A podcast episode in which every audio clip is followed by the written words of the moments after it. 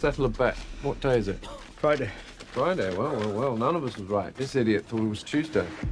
Well, I'll tell you what I know. It's the dumbest fucking bet I ever heard of. You gonna fucking tase me, fuckface? Oh, oh, oh yeah, go ahead and tase me. Come on, just do it! Druga opcja. Najszybciej jak to możliwe zagryź samca alfa. Pański syn to mały, płatny zabijaka. Ja ci ku... dam mały.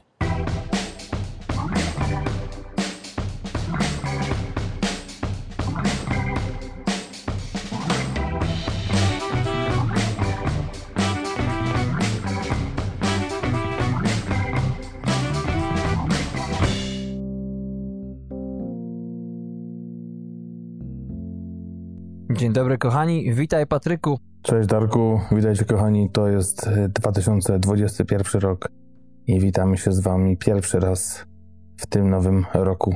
Pandemiczno-popandemicznym. Tak jest, trochę czuję się zardzewiały, bo ponad miesiąc nas nie było na antenie. Dziękujemy tym, którzy dotrwali do dzisiejszego dnia i, i są z nami. Po ściągnięciach z naszych serwerów widać, że przynajmniej spora część z Was jednak wróciła do tych odcinków, które przegapiła. Niektórzy to po kilka razy, niektóre odsłuchiwali, więc nie wiem o co w tym wszystkim chodzi. Jak Patryku u Ciebie ten powrót do podcastowej rzeczywistości? Tak mówię, jakbyśmy w ogóle nie spędzali tysięcy godzin na rozmowie e, zakulisowej, myśląc o naszym podcaście i innych projektach, że mamy siebie dosyć tak naprawdę czasami. Ale na potrzeby dzisiejszej audycji udajemy, że co dopiero pierwszy raz się słyszymy po długiej przerwie. Więc jak tam leci? To w ogóle tak powinniśmy w ogóle zacząć tak...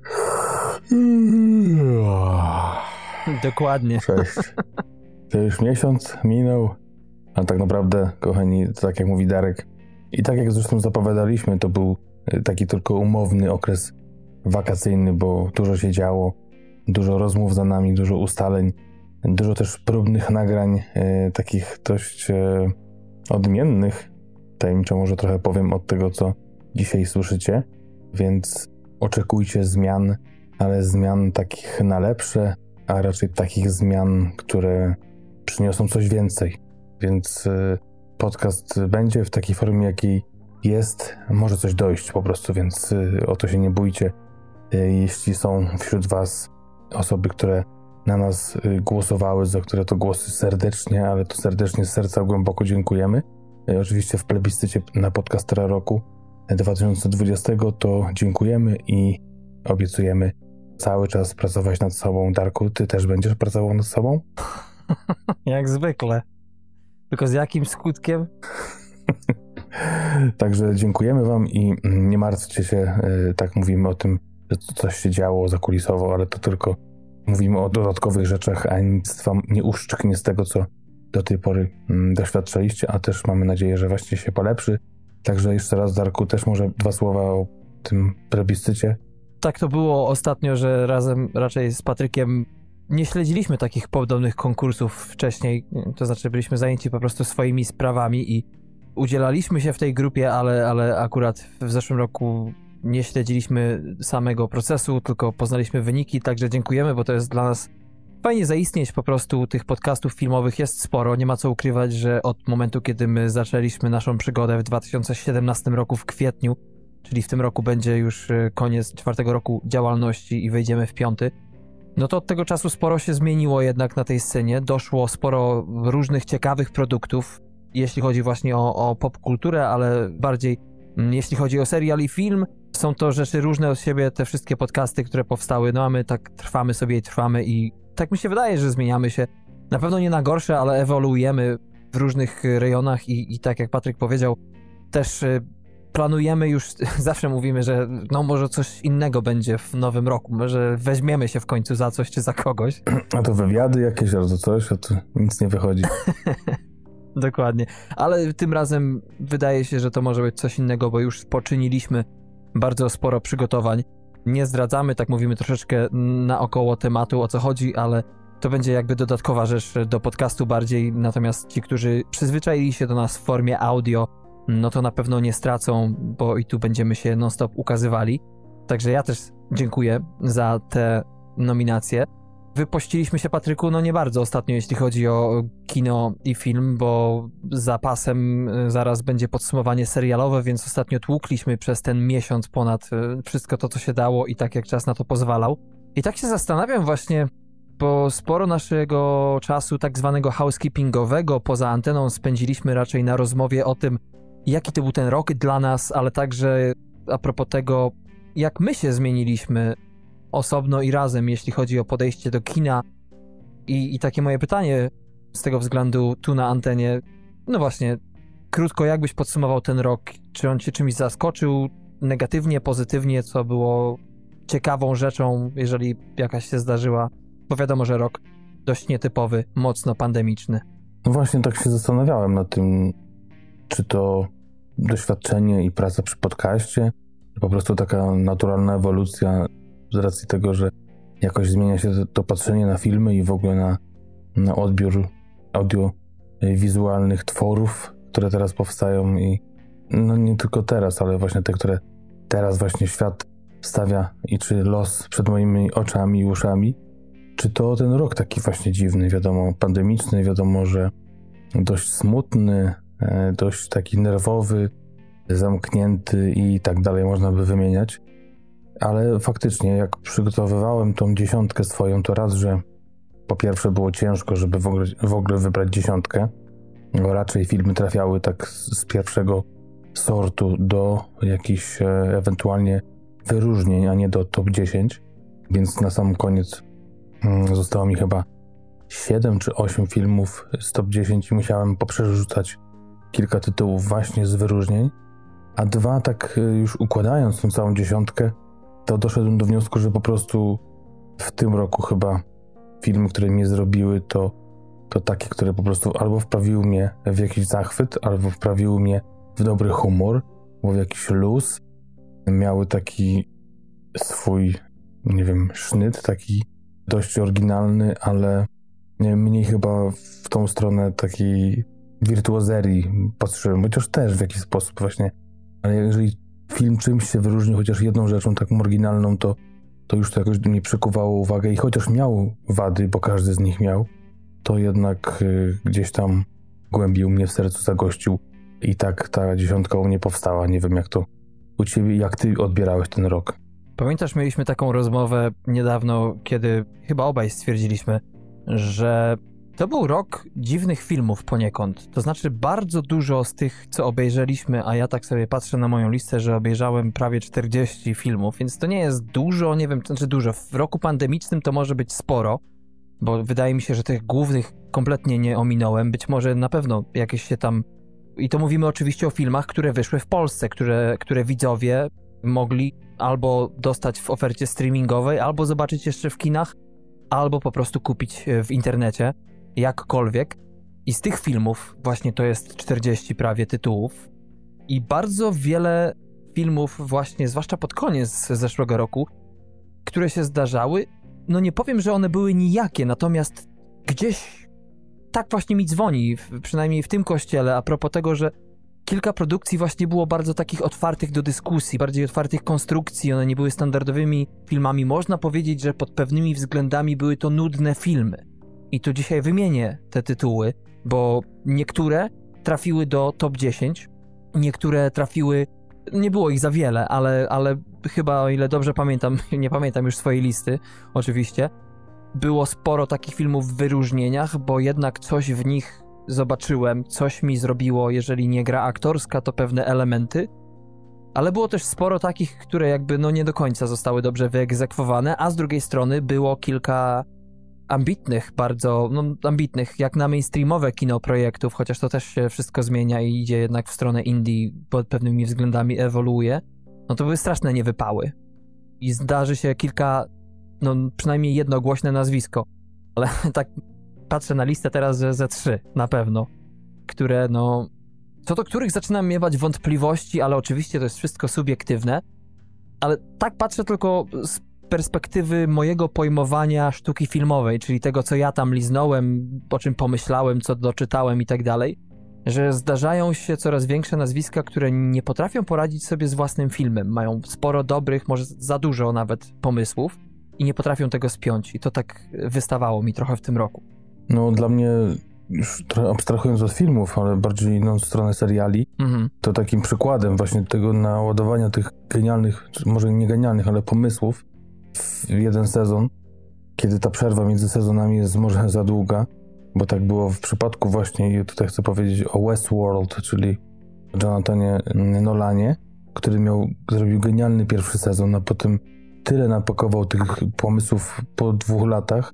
Myślę, że może to właśnie była, była, był wynik tego, że ta przerwa była za długa i tych pomysłów było za dużo, ale tak przeładował, że, że no nieznośnie był ten drugi sezon, Mhm. więc już inaczej było w trzecim, chociaż też nie dogonił tego pierwszego, ale właśnie to jest to, że czasami ma się tych pomysłów i nawet genialnych, fajnych myków oryginalnych, ale no to męczy, tak? To musi być jednak jakiś swój rytm, a nie po prostu wyrzucanie jak z kałasznikowa i wiesz, gdzie nawet właśnie nie zdążysz wyłapać tych wszystkich kul. Mhm.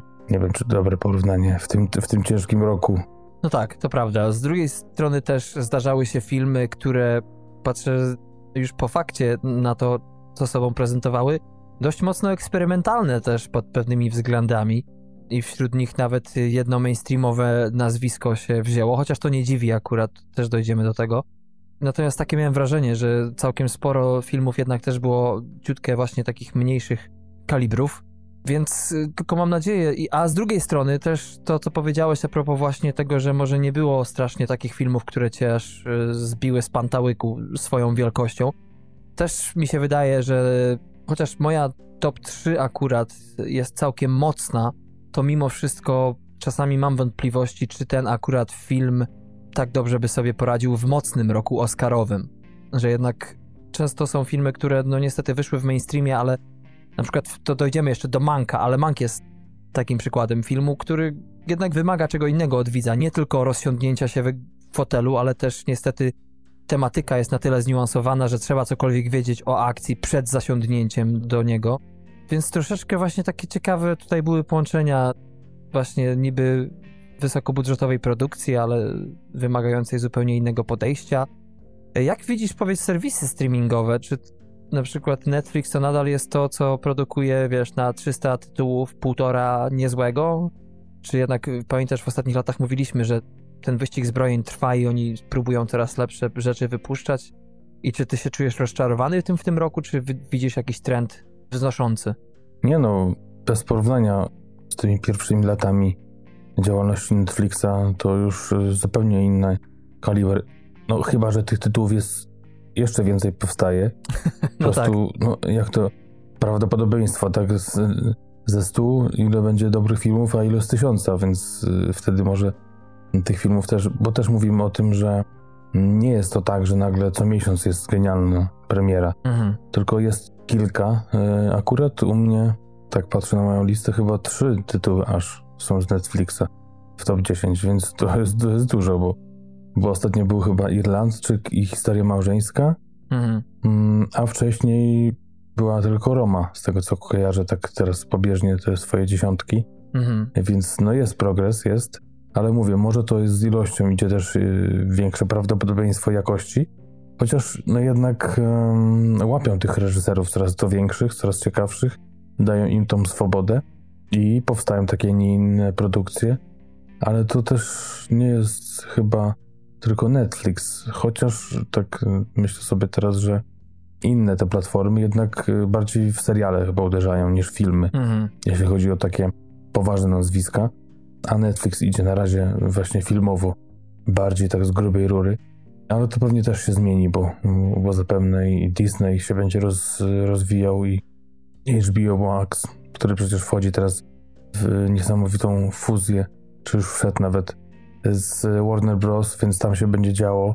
Apple TV też wiadomo, że grupa kasa, więc też, też nie, nie, nie będzie tutaj z nimi łatwo, Mhm. tylko będą się bronić przed ostatnią pozycją.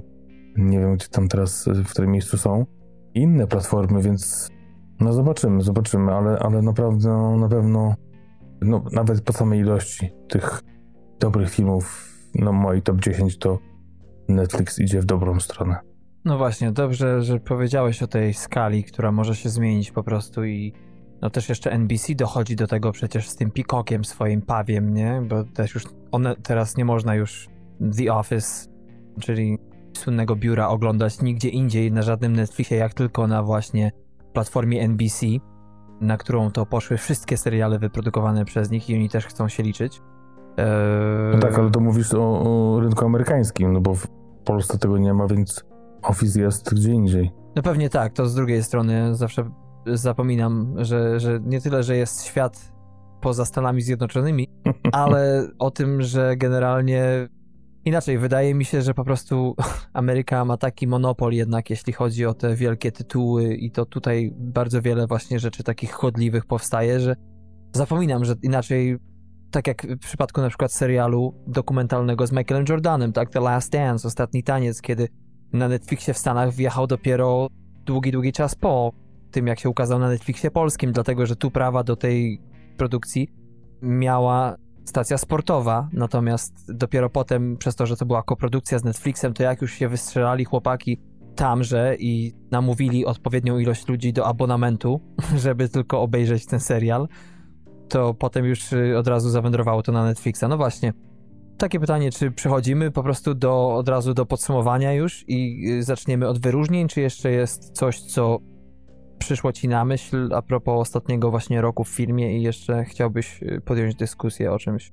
No wiesz co, może tylko dwa słowa, pół słowa o tym, że właśnie patrzę, że The Office jest na Prime Video w Polsce. E, to tak dla fanów serialu, żeby się nie bali, że jakiś y, ptak im zabierze serial. Mm. A druga rzecz to taka, że kiedyś miałem taką zasadę, jak byłem młodszy, dużo młodszy, mm, że oglądałem film tylko raz i bardzo rzadko się zdarzało, że, że chciałem, czy w ogóle widziałem sens wracania do niego po raz kolejny. Tak było trochę w tych czasach mojej niewiedzy, y, tego, że Mhm. można odkrywać coś więcej w filmie po latach, czy właśnie z każdym innym seansem, gdzie ten wzrok ląduje trochę w innych miejscach, albo bardziej się rozprasza, bo już znasz na przykład słowa i już tak się nie skupiasz na tym, bo wiesz, co będzie powiedziane i możesz zajrzeć gdzie indziej. I te ostatnie lata właśnie zwróciły moją uwagę na to, że coraz częściej, nie wiem, czy to jest trend, czy to jest coś, co ja sobie wmówiłem, mam tak, że wydaje mi się, żeby dobrze poznać jakieś dzieło, to trzeba je obejrzeć przynajmniej dwa razy i myślę, że to jest trochę nie fair, jeśli tak by było, tak by ten świat działał, żeby jednak trzeba było dwa razy obejrzeć. Mm. No ale tak ja mam i tak yy, na przykład z pewnego razu w Hollywood było. Tak było też z nienawistną ósemką wcześniej u Tarantino. I tak w tym roku też na przykład z, z Mankiem tak było.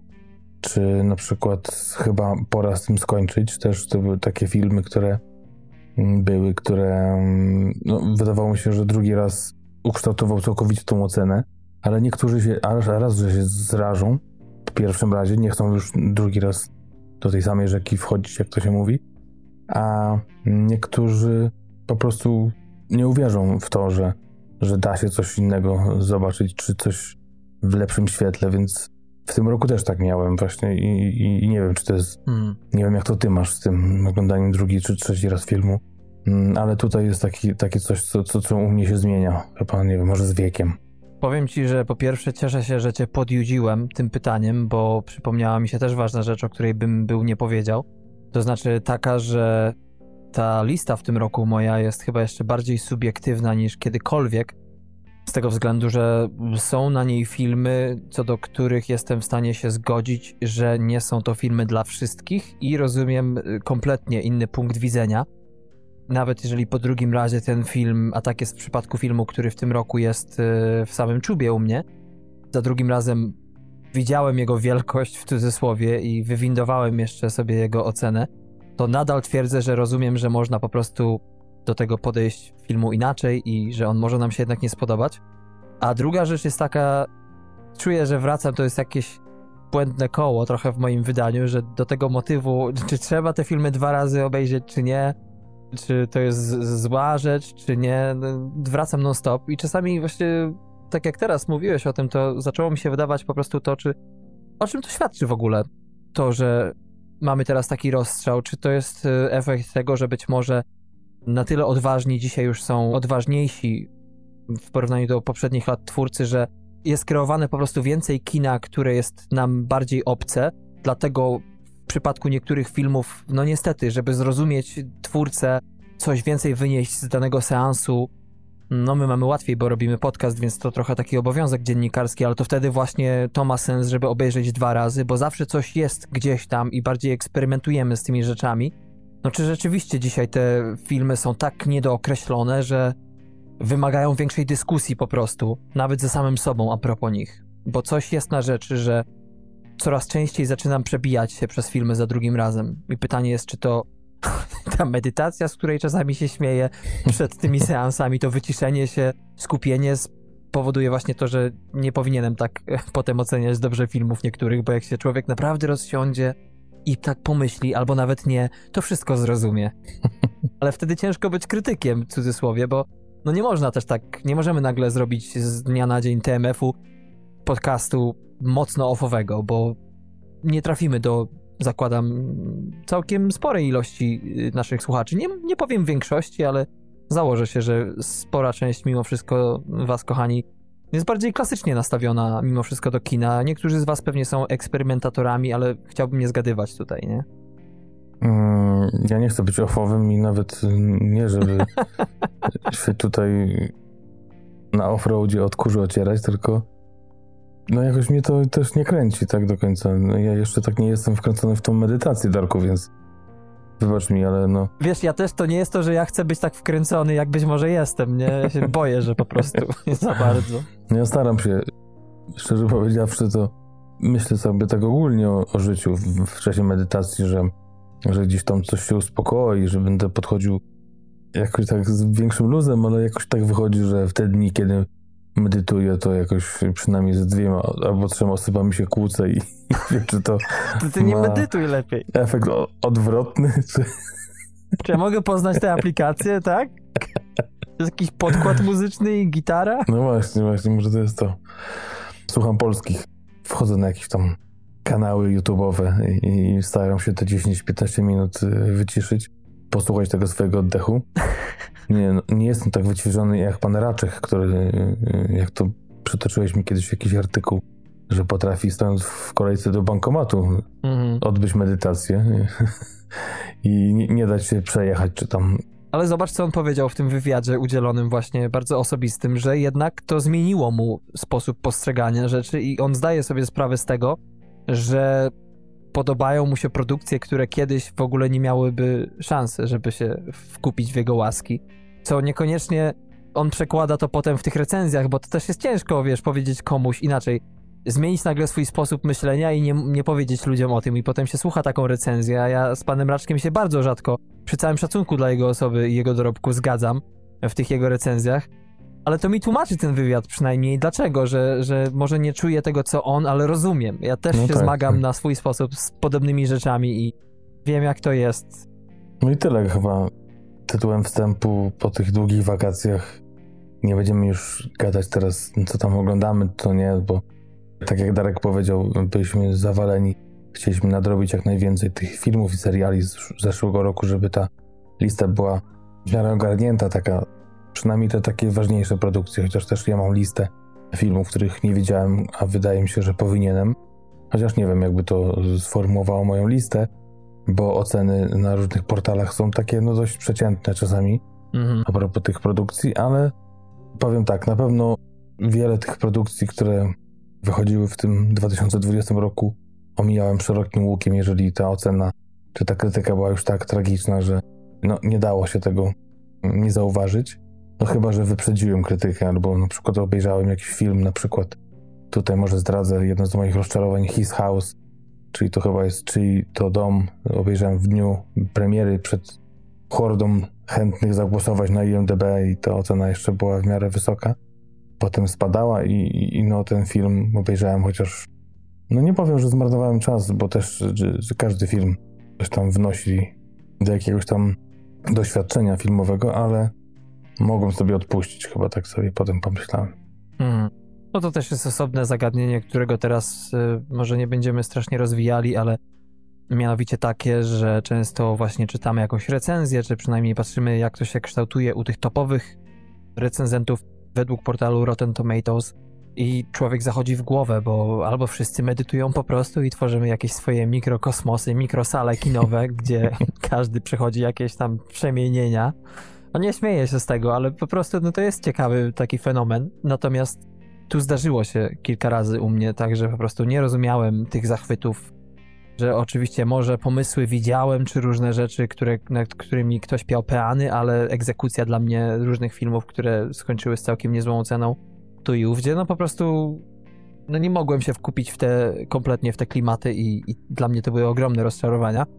Może przejdźmy do wyróżnień w takim razie, panie kolego, filmowych, zarówno jak i aktorskich. Tak się zgodziliśmy z Patrykiem przed e, wejściem na antenę, że jeśli chodzi o wyróżnienia, to tutaj trafią zarówno filmy, które nie trafiły do naszej topki, top 10, ale także jeżeli był jakiś właśnie, była scena, czy coś, co nam zapadło w pamięć strasznie z jakiegoś filmu, a, a film cały, no nawet w wyróżnieniach by się nie znalazł, to też mamy tutaj okazję, e, żeby się tym podzielić. Także jeśli chodzi o aktorów, niektóre kreacje, bo, bo zakładam, że jest kilka różnych produkcji, których nie mamy na żadnej liście, ale ktoś nam to oko skradł. Co byś wyróżnił w tym roku, jeśli chodzi zarówno o filmy, aktorów, jak i inne randomowe rzeczy, które po prostu tobie jako kinomaniakowi zrobiły? To może powiem tak, nie wiem, czy to będą kategorie, może faktycznie jak teraz tak patrzę na tą listę, to każdy mógł być w jakiejś innej kategorii. Mhm. Na pewno jeśli chodzi o wyróżnienie aktorskie, to na pewno na pierwszy rzut i pierwsze takie miejsce w tej kategorii trafiłby dla mnie film 25 lat niewinności, sprawa Tomka Komendy i wybitna rola Piotra Trojana właśnie w roli tytułowej, yy, chociaż do tego też bym dorzucił grającą jego matkę Agatę Kuleszę. Mhm. Ten duet, yy, no niesamowita relacja zagrana i jeżeli to jest taka prawda na tym ekranie, jak naprawdę było w życiu, to jakby kocham moją mamę i, i też nie chodzi mi o to, żeby to zazdrościć, ale, ale naprawdę to coś wyjątkowego, e, żeby też do takiego wieku i ta mama tak w tego synka wierzyła i gdzieś tam za niego trzymała kciuki, Mhm. więc to jest na pewno to, jeśli chodzi o zresztą nagroda w, na festiwalu w Gdyni dla Trojana, aktora, który zresztą świetny wdał wywiad w podcaście Film Webu u Łukasza Muszyńskiego, mój ulubiony film i tam naprawdę fajnie się go słuchało i do tego jeszcze taką empatię ma w sobie. Zresztą w ogóle chciał odejść z aktorstwa, bo już uznał, że jeżeli w tym wieku nic ciekawego się nie trafiło, to raczej lepiej odejść, ale jak się okazało, nagroda jego marzenie y, właśnie w Gdyni zmieniła zupełnie jego karierę i teraz y, ma kolejne propozycje, więc to jest takie moje wyróżnienie, jeśli chodzi o kreacje aktorskie. Nie wiem, jak to u ciebie jest na tej liście wyróżnień. Może najpierw zacznę od, od filmów, bo nie powtórzę się o 25 latach niewinności. Tak samo mam ten film na liście jak i Piotra Trojana. Ale bardzo chciałbym wyróżnić tutaj film Jak zostałem gangsterem Macieja Kawulskiego, bo to trochę taki good nie do końca udany, ale sporo w nim jest jednak fajnej takiej energii, takiego bycia hejt do przodu filmem. Trochę tej kliszy tu i ówdzie jest, ale mimo wszystko na tyle fajnych kreacji aktorskich jest w tym filmie i tej dynamiki, która po prostu sprawia, że jest to taki film, jakim on powinien być. Za bardzo nic nie udaje. Czasami właśnie, kiedy się wkrada klisza, to tak, ale mimo wszystko bawiłem się na nim przednio, choć do mojej top 10 y, nie y, zaliczę tego filmu. No i improwizowany film Niech gadają z Meryl Streep, który, o ile dobrze pamiętam, to jest chyba na Prime Video. A nie, jest na HBO Max, przepraszam, czy HBO Go w Polsce. Natomiast ten film jest w większości właśnie improwizowany, jeśli chodzi o dialogi, i na początku byłem lekko rozczarowany nim, bo wiedziałem, co to znaczy improwizacja ze względu na moje aktorzenie, i za bardzo mi tego meta tutaj było. Wykrywałem te momenty, kiedy, aha, widzę aktora, który nie wie, co powiedzieć i jest naturalny, a nie czytałem postać, którą ten aktor grał. Ale potem mi to minęło i wczytałem się w tę energię, zupełnie inny film, bardzo można powiedzieć o niczym albo o wszystkim, zależy jak się w niego człowiek wczyta.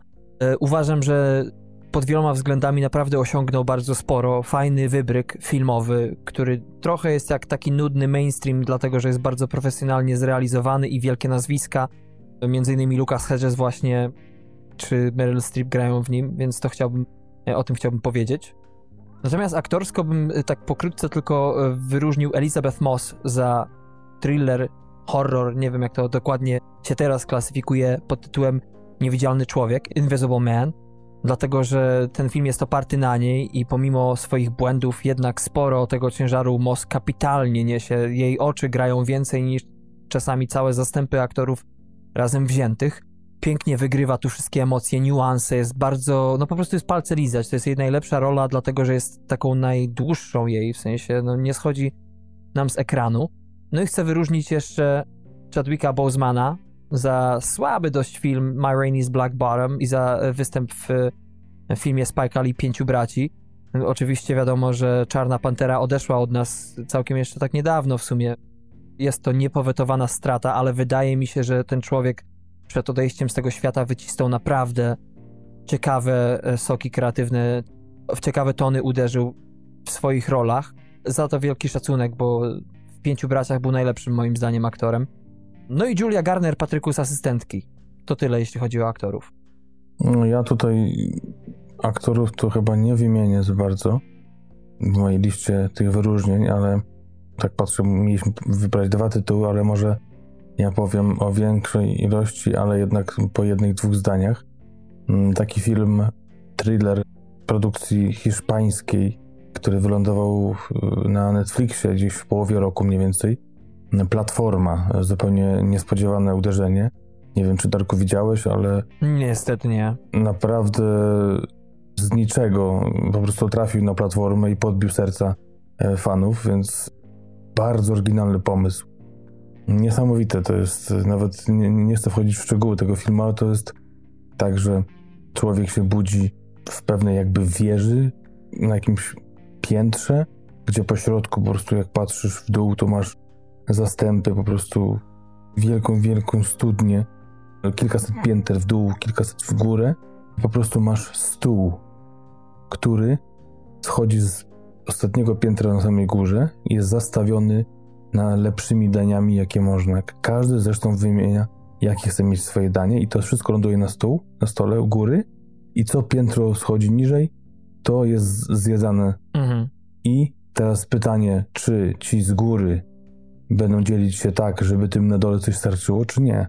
I to, jak się zachowasz, spowoduje to, gdzie następnego dnia się obudzisz, na jakim piętrze, czy to będzie 300, Mhm. czy to będzie 50, czy to będzie 20. I naprawdę bardzo fajny pomysł, bardzo fajna taka metafora dzisiejszego społeczeństwa, podszyta taką ironią i, i takimi też fajnymi smaczkami aktorskimi, też, no takie mówię, kino europejskie, więc zupełnie inne podejście niż Amerykanów i naprawdę, naprawdę sprawnie zrobione.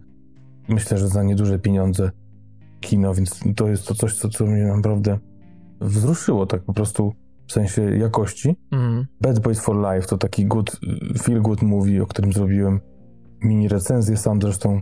To to jest tak y, na początek roku był przypomnienie lat młodości i film, który wydaje mi się, że nawet na pewno jest lepszy od dwójki, a może i od jedynki.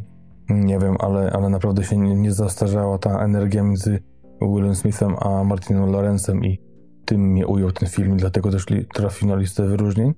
A Darku, coś chciałeś? A ja jeszcze chciałbym wyróżnić e, dwie rzeczy filmowe, ale nie jeśli chodzi stricte o tytuł filmu czy o aktora. Pierwsza to po prostu sposób poprowadzenia widza przez to, jak to jest e, manewrować na otwartym morzu, jak to jest prowadzić bitwę z ubotami. Mówię tutaj o naszym ulubionym filmie roku, czyli o Greyhound z Tomem Hanksem.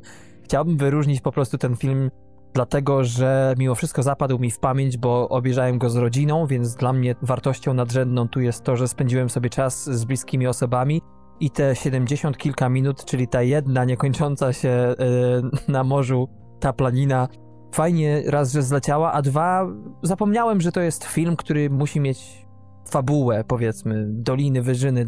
Ja ze względu zresztą w ogóle na od dziecka fascynację tematami około właśnie II wojny światowej, no to tutaj akurat to był taki fajny dodatek do mojej filmografii, świetnie moim zdaniem zrealizowany film. Najgorszy, kiedy się dzieją dialogi, bo te dwie sceny tak naprawdę na początku i na końcu filmu dramatyczne no to zupełny dramat, to trzeba im przyznać, ale druga rzecz, którą chciałbym y, lekko humorystycznie to ujmując, y, którą chciałbym tutaj wyróżnić, to puszczanie bąków przez Toma Hardiego w roli Ala Capone w filmie Capone. Bardzo za zachęcam was do obejrzenia sobie na YouTubie, nawet jak wpiszecie tę frazę po prostu po angielsku, bo to jest tak zły film, jedno z największych rozczarowań, do których przejdziemy za chwilę, ale ta scena po prostu, no nie, trudno, nie, nie wiem dlaczego jej nie wycięli, ale zostawili i trzeba to zobaczyć. To jest po prostu y, raz na milion się to, coś takiego zdarza w takim filmie. No Ja do tego jeszcze dołożę hejtera Salę Samobójców. Film ten też zrobił na mnie wrażenie jako taki naprawdę mocny, trzymający w napięciu światowej klasy thriller z naprawdę ciekawą fabułą. Zastanawiałem się przez chwilę, czy czasami Amerykanie go nie skradną jak kiedyś Killera, chociaż pomysł chyba przepadł, bo, bo w końcu amerykańska wersja nie powstała. Mhm. Ale myślę, że tu jest na tyle oryginalnych pomysłów, kilka zawartych, że, że mogliby się pokusić o jakiś remake. Naprawdę mocne kino. Może troszeczkę gorszy od pierwszej części, ale jednak trzyma w napięciu i odkrycia kolejne. Mhm. Pan Musiałowski Maciej, reżyser, ma do tego rękę, żeby odkrywać kolejne talenty. I też w lesie dziś nie zaśnie nikt. Slasher, jeden z niewielu, y, które mamy w y, naszej filmografii polskiej. Też film, który wylądował ostatecznie na Netflixie. Nic wielkiego, ale tak jakoś fajnie, taka horror-komedia w polskim wydaniu. No, Trochę y, oparta na kliszach, ale, ale tak chyba z przymrużeniem oka. Wyśmiewanie horrorów, więc trochę takie masło maślane, ale jednak moim zdaniem się broni i kreacjami aktorskimi, i kilkoma fajnymi pomysłami, więc to. I chyba też y, Biały, Biały Dzień, film, który trafił na wiele list, top 10 y, tego minionego roku. Islandzki film, też taki thriller kryminalny bardziej. I tam to, co mnie ujęło, to oprócz tego, że mocny slow burn i w końcu on chyba się do końca nie zapalił, ale Mhm. to, co genialnego z niego wyniosłem, to jak można zrobić scenę, której mamy minimum trójkę bohaterów, dwoje ze sobą rozmawia, kłóci się albo cokolwiek się dzieje, a my obserwujemy tą trzecią, która siedzi zapatrzona albo głęboko w siebie, głęboko w przeszłość, w przyszłość i ona jest zupełnie z boku, a my mamy ten ekran sztucznie podzielony na właśnie te dwie sceny Mhm. i możemy obserwować albo jednych, albo drugich, albo jednych słuchać, jedną oglądać, mm, albo na odwrót. I tak jest, dwie czy trzy takie są sceny, gdzie właśnie mamy taki podział i, i, i to naprawdę robi fajne wrażenie.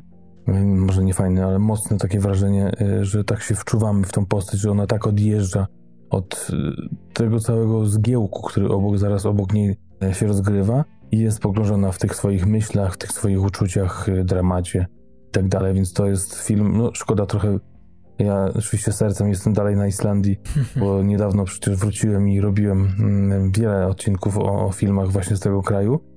Ten może troszeczkę rozczarował tym samą fabułą i rozwiązaniem, ale, ale miał kilka fajnych momentów i choćby przez to polecam. I oczywiście piękna Islandia, więc kto lubi, to też jest co podziwiać. I chyba ostatni film, o którym chciałem powiedzieć, to jest Posesor. Mhm. Posesor, czyli mm, horror syna Davida Cronenberga, czyli Brandona. Film, który łączy w sobie coś na pewno z Matrixa, trochę z Incepcji, troszeczkę, nawet mocno chyba miesza się w sprawie genderowe, więc jest taki na czasie też, dość yy, taki przemyślany, skomplikowany, z lekkimi dłużyznami, ale bardzo fajnymi też rolami, między innymi Abota, yy, Krystiana bodajże, tak? Darku, bo ty chyba kojarzysz go z, z serialu Tak, tak, z y, paragrafu 22. tak. I, I tutaj naprawdę fajne kino, mocne, trzymające w napięciu i takie, którego się nie spodziewałem, że mnie po prostu w jakiś sposób porwie, a to moim zdaniem niewielkimi nakładami finansowymi udało się stworzyć coś, co naprawdę warto polecić. I to tyle chyba z tej mojej listy wyróżnień.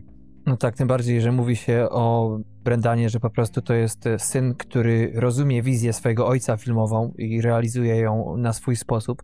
Z tym też się zgodzę.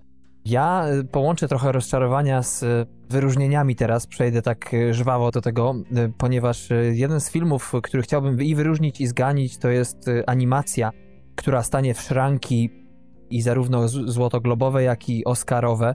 w tej kategorii. To film irlandzki pod tytułem Wolfwalkers. Ktoś, kto lubi te klimaty, to świetnie się odnajdzie w tym filmie. Natomiast za co chciałbym pochwalić ten film, to za kapitalną grafikę, która czasami wydaje się, że jest dość prosta, ale potrafi naprawdę malutkimi szczegółami mnie ująć to, jak jest rozwiązana na przykład kwestia przezroczystości niektórych rzeczy, jak ta kreska jest poprowadzona, perspektywa też często. W ogóle forma dość fajna, tylko niestety zarówno akcja, z nią są problemy po prostu, bo czasami wydaje mi się, że wracamy do tego samego punktu, po prostu historia coming of age, no ale w pewnym momencie to po prostu utyka i tak sobie tkwi i też grzechem tego filmu moim zdaniem jest po prostu zbyt płaskie przedstawienie, poprowadzenie postaci męskich, zwłaszcza ojca głównej bohaterki tej dziewczynki. No i tu jest właśnie taki mój jeden malutki wąt. A przechodząc do takich troszeczkę rozczarowań, wymienię może kilka, które były tragedią kompletną i tu są znane nazwiska, bo przede wszystkim Richard Jewell Eastwooda, czy też Pięciu Braci Spike'a Lee, czy też Psy Trzy w imię zasad Pasikowskiego. To jest trójka znanych reżyserów, którym się mocna śliwa moim zdaniem trafiła w ten ich kapelusz filmowy, bo śliwa oczywiście, nie wiem czy ja sam rozumiem tę metaforę, ale e, no niestety śliwka robaczywka w tym sensie, bo e, no Eastwood oczywiście raz ma, że trafi z filmem, a raz kompletnie go położy. Pasikowski natomiast i Spike Lee wydaje mi się, że fajnie chcieli zrobić, ale Pasikowskiemu po prostu klimat zbyt groteskowy wyszedł, a ja jestem wielkim fanem, może niedozgonnym jednak psów, zwłaszcza oryginału i lubię ten klimat, to jednak pokazanie to wszystko po latach, e, to staje się po prostu groteskowe nie w taki sposób, w jaki mi się wydaje, że chcieli osiągnąć to twórcy. Właśnie pan Władysław, jeżeli on ma robić kino męskie, to, to po prostu ten film nie dorasta do pięt poniekąd e, pastiszowi e, tego klimatu, czyli właśnie wspomnianemu przeze mnie filmowi Jak zostałem gangsterem. Natomiast Spike Lee ma tutaj za bardzo dużo różnych filmów w filmie, za dużo cukru w cukrze i nie potrafi tego wszystkiego połączyć. I tu największy jest moim zdaniem brak kontroli nad filmem, który mu się rozłazi, który czasami ma kapitalną scenę, jakiś tam motyw, ale potem jedną scenę kładzie tragiczne aktorstwo, zresztą nie tylko jedną, a dwa, akcja też się staje śmieszna, po prostu wszystko to gdzieś grzęźnie, może nie rozumiem tych klimatów do końca, ale dla mnie, Polaka mieszkającego w Stanach, białego człowieka, poza samym wyjściem tematycznym, które moim zdaniem jest bardzo ważne i też jest fajne, fajnego jednak tego klimatu, tego braterstwa między byłymi, między weteranami, uczestnikami wojny w Wietnamie, jaki się tworzy, to czytam, ale ja chcę coś więcej, a niestety wychodzi mi właśnie jakaś taka papka. No to jeśli ja mam powiedzieć coś o swoich listach wstydu, takich wstydu dla twórców, oczywiście nie dla mnie, bo taką dla mnie też mam, mhm. to muszę powiedzieć właśnie film, o którym ty mówiłeś, czyli Sekret Wilczej Gromady. Mm, o tak. Bo właśnie tak jest polski tytuł filmu, czy animacji Wolf Walkers, więc to jest coś, co rozczarowało mnie właśnie przez to, że były takie momenty, jak, o których ty wspomniałeś, czyli bardzo słabo poprowadzona rola ojca, w ogóle mężczyzn w tym filmie. Też ta animacja, jakkolwiek z początku dość irytująca, potem mnie przekonało do siebie, to jednak sama ta historia z niesamowitym, przesłodzonym happy endem jest dla mnie tak y, już typowo dla dzieci i tak prosta poprowadzona, że po prostu się strasznie nudziłem na tym i nic za bardzo mnie nie ciekawiło, oprócz tego, że to oczywiście jest oparte na jakichś tam wierzeniach czy jakichś legendach irlandzkich, więc tam pewnie to też jest zupełnie inny odbiór na, na, na wyspie. Mhm. Drugi film to już powiedziałem dwa słowa i Tutaj też nie będę za bardzo nic dodawał, chyba już His House właśnie, czyli taki horror dość niby oryginalny, bo mamy do czynienia tutaj z parą imigrantów z Afryki, którzy przybywają do Wielkiej Brytanii i tam próbują sobie ułożyć życie trafiają do domu, który, no, który jakoś ich zmienia i, i, i tę podróż bardziej psychologiczną i społeczną komplikuje mocno, ale strasznie mnie to wynudziło i te wszystkie mhm. też takie powiązania z tymi wierzeniami plemiennymi mocno mi tu nie grało, chociaż wiem, że też wielu ludziom się ten film podobał.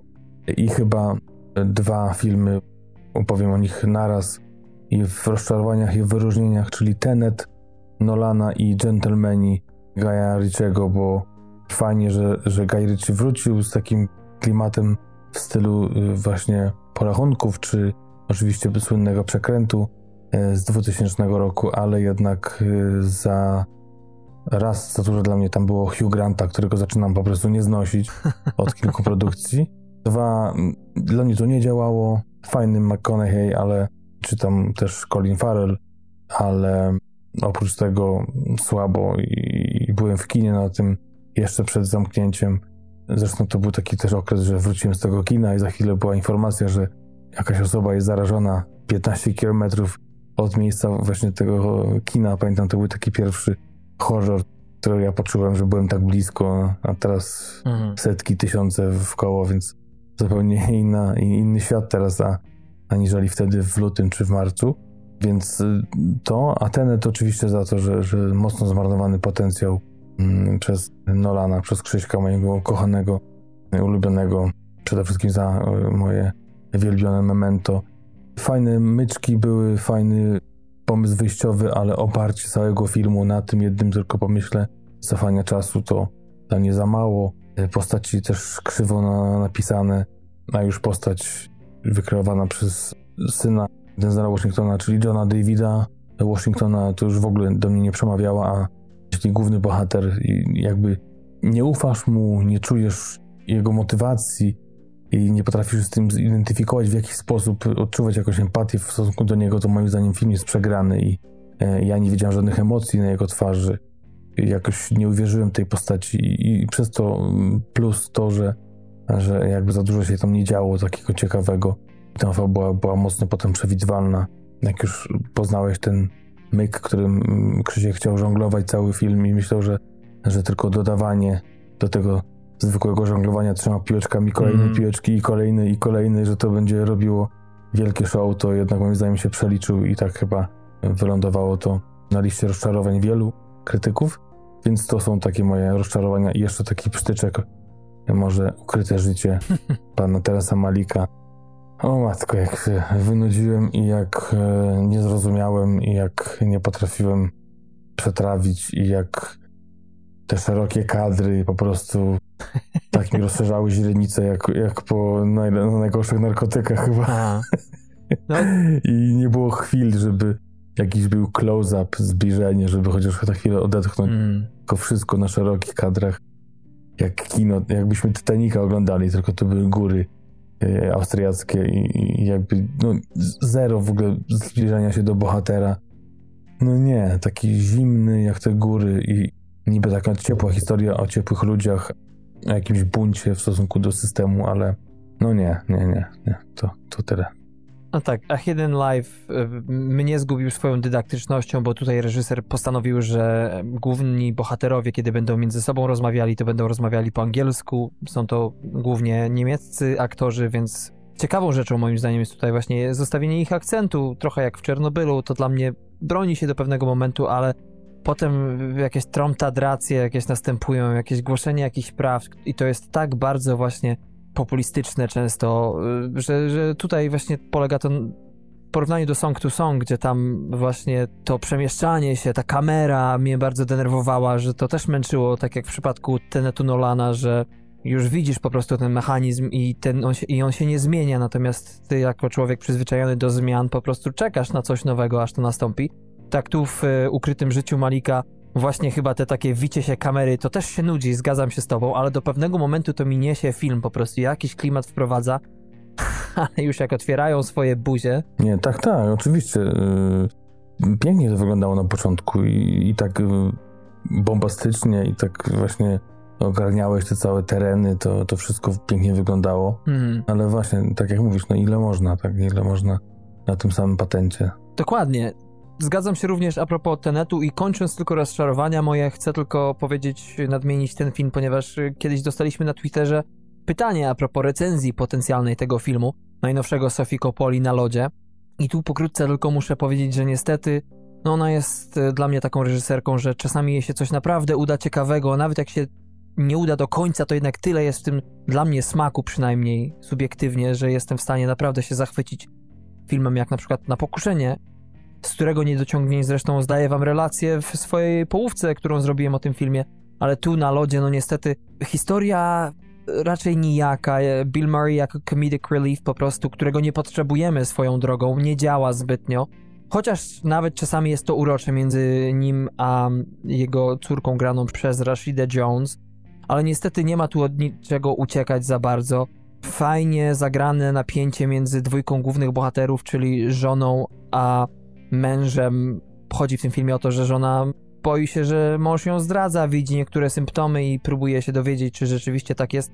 Do pewnego momentu to napięcie działa między nimi jako jedna z niewielu rzeczy, ale niestety tak mi się wydaje, że koniec końców y, rozwiązane jest to w tak niedostatecznie przekonywujący sposób, że kładzie mi to ten film i na końcu też taki wychodzi trochę gaslighting bohaterki, czyli nie wiem, czy to jest zamierzone po prostu, czy może mi się tylko wydaje, ale tak jakby Sofia Coppola na koniec, przez to jak to rozwiązuje, sprawiła, że wina leży tak naprawdę w głowie głównej bohaterki, mimo iż my jako widzowie widzieliśmy jej punkt widzenia, nam się przedstawia właśnie to dziwne zachowanie męża i widzimy, że są tu jakieś podstawy, żeby się do tego przyczepić, ale to wszystko jest tak robione neutralnie, tak po amerykańsku, tak właśnie na slow burnie, że ja się w tym wszystkim po prostu nudzę bardzo i wniosek jest taki, że nasza główna bohaterka po prostu sobie coś uroiła, a to kładzie mi taki sposób zdania relacji z fabuły sprawę dokumentnie. No ja właśnie przez te twoje narzekania odpuściłem sobie tą, chociaż gdzieś też jest na jakiejś platformie, widziałem chyba też na HBO dostępny, Mhm. no ale sobie odpuściłem i tak jak zresztą wiele tych filmów, które e, gdzieś tam miałem w zamierzeniu obejrzeć, ale potem okazywało się, że jednak chyba nie warto i skupiałem swoją uwagę na, na szukaniu znowu jakichś perełek naszych standardowych, czyli wyszukiwania jakichś e, starszych produkcji. No i tego On The Rock w końcu nie widziałem. No i dobrze. I teraz, kochani, przechodzimy już do naszej topki, czyli 10 najlepszych filmów. Yy, Tak się umówiliśmy z Patrykiem, że przez pierwszą, tą dolną piątkę od 10 do 6 przejdziemy raczej żwawo. Są to filmy warte uwagi naszej, chociaż tak jak Patryk powiedział, i waszej. Miałeś problemy, Patryku, z y, dokooptowaniem kilku tytułów, żeby to ci wyszło, ta pełna dziesiątka, czyli to też jest jednak mimo wszystko a sign of our times, jak to mówią, że ciężko jest naprawdę sklecić y, coś sensownego, żeby to się broniło tak no, bez y, najmniejszego zająknięcia z, naszej strony. Więc y, Patryku, zaczniemy może od ciebie, od pierwszego filmu, który, tego szczęśliwego, który jednak załapał się z repasaży na listę 10 najlepszych y, filmów 2020 roku w Polsce. Z repasaży zawiosłował na moje dziesiąte miejsce film, który ty dałeś w wyróżnieniach, a ja e, właśnie uznałem, że to był taki film, który, przy którym czułem się dobrze. Zresztą zaskoczony byłem tym, jak ciepło, w cudzysłowie, odebrała go moja żona, bo strasznie też jej przypadł do gustu, to zupełnie byłem no, w szoku lekkim, że tak to było, ale faktycznie to jest taki flow fajny, że ciężko odmówić tutaj po prostu uroku filmowi Jak zostałem gangsterem, którym, tak jak mówię, powiedział już Darek. Film, w którym no, główną rolę gra Marcin Kowalczyk, ale film y, w każdej chyba swojej scenie y, kradnie niesamowity Tomasz Włosok. To jest y, coś, co, co naprawdę mm, udało się mm, Maciejowi Kawulskiemu, czego nie można powiedzieć o underdogów. Też z tego roku samego, chociaż produkcja 2019, no to jak wiemy, premiera mm, tego filmu była już 3 stycznia 2020 roku. To jest ta, ten numer 10 u mnie. Mówię, taka historia, która no, ma dużo dziur, ma dużo klisz, ale jest przepełniona fajną muzyką. Jest y, tak osadzona w takim naszym świadku, o którym nawet y, jeden z podcastów kryminalnych mówił, który, jego- prowadzący, który zna te realia i, i, i obracał się wśród y, i tych ludzi, i tych historii. Sam mówił, że to faktycznie są takie historie, które się zdarzyły. Może nie jednemu gangsterowi jak tutaj, ale kilku bardzo znanym, więc można tam wyczuć jakąś historię polskiej mafii, też jej rozwoju i to jak to się wszystko działo w pierwszych latach po komunizmie. Naprawdę można odlecieć i można poczuć się naprawdę, że polskie kino potrafi bawić, bo też z taką lekkością jest ta historia opowiedziana z żartem nierzadko, więc y, to jest mój numer 10. Zgadzam się z tym wszystkim. Mój numer 10 to także polski film, także film, o którym ty powiedziałeś, Sala Samobójców Hater. Długo się decydowałem między tym filmem a 25 latami niewinności Jana Holubka i niestety, ale, znaczy stety, Sala Samobójców Hater wyszedł mi po prostu jako w tych moich obliczeniach jako po prostu lepszy film, lepiej zrobiony. Rzeczywiście ten thriller, ta warstwa, która dzięki Maciejowi Musiałowskiemu była non-stop na wysokim poziomie w tym filmie praktycznie przez cały czas. To był ten selling point, y, to co pozwoliło się temu filmowi sprzedać mnie. Bardzo podobało mi się po prostu to, że ten film jest mocno makiawelistyczny, jest bardzo brutalny, tutaj nie ma miejsca na sentymenty. I to takie było trochę guilty pleasure, ale nie w tradycyjnym znaczeniu, ale w tym, że dobrze po prostu się oglądało coś tak negatywnego, co pewnie wielu z nas po prostu ma często, kiedy oglądamy filmy o podobnych zagadnieniach. Natomiast zwłaszcza jeśli chodzi o głównego bohatera i grę aktorską Macieja Musiałowskiego, który otrzymał za swoją kreację w kamerę, choć to trochę jest ta jego postać niemożliwa, bo do pewnego momentu wydaje mi się, że znam takich ludzi, to jednak e, w pewnym momencie już staje się takim trochę superbohaterem, wszystko idzie mu tak świetnie, jest do tego mocno negatywnym i tutaj akurat to nie jest mój problem z tym, że się nie identyfikuję z nim, ale, ale jednak bywają momenty, że gdzieś tam coś mi brakuje, to mimo wszystko to idzie do przodu. Fajna niespodzianka, zgadzam się, że nie tak dobry jak pierwsza część, ale i chcę wyróżnić Agatę Kuleszę tutaj i Macieja Sztura, y, który też gra troszeczkę niestety przekombinowaną, w sensie taką kliszową postać. Zresztą w ogóle tutaj czasami bywają motywy komentarza społecznego a propos tych wyższych klas średnich państwa krasuckich. Tutaj Danuta Stenka między innymi to jednak troszeczkę to nie niesie gdzieś czuć tę myszkę. Najgorszy moment w filmie to po prostu nie będę za bardzo zdradzał, ale ten człowiek, którego potem wykorzystuje nasz główny bohater, który jako student popada w konflikt y, z uczelnią, zostaje wydalony, właśnie zaczyna pracować jako ten tytułowy hater i wykorzystuje w pewnym momencie kontakty z pewną osobą zagubioną, można powiedzieć na swój sposób. To mi siada fabularnie bardzo mocno, mimo iż sposób wprowadzenia nas w grę komputerową i, i, i zrobienia z gry komputerowej części fabuły działa, to jednak to mi kładzie trochę film, ale no myślę, że też to wynagradza w pewien sposób najlepsza scena roku według filmu przynajmniej. Scena zamachu, tylko tyle powiem w tym filmie. Dla mnie była kapitalna, o nie miałem na koniec filmu i jeśli miałem jakieś wąty tu i ówdzie do niego, do różnych jego elementów, no to po prostu na końcu mnie to tak y, zryło, potocznie mówiąc, że dochodziłem trochę do siebie po tym filmie. M- muszę mu przyznać, że może nie pociągnął dobrze wszystkiego fabularnie, ale potrafił się wybronić. Brawo. Numer 9. No ja nie będę dodawał, powiedziałem dwa słowa, więc lecimy dalej. Może pora z tym skończyć. Z czym? A, że film. No, no. Charlie'ego Kaufmana to właśnie ta pierwsza produkcja na mojej liście z Netflixa, czyli e, właśnie podróż tak naprawdę. Ja się w ogóle, przepraszam, że ci wejdę w słowo, czuję strasznie szczęśliwy, że to w ogóle trafiło do ciebie na listę, mając w myśli naszą dyskusję o tym filmie. No właśnie to jest to, mm, że podszedłem do niego mm, drugi raz mm, i trochę z inną głową.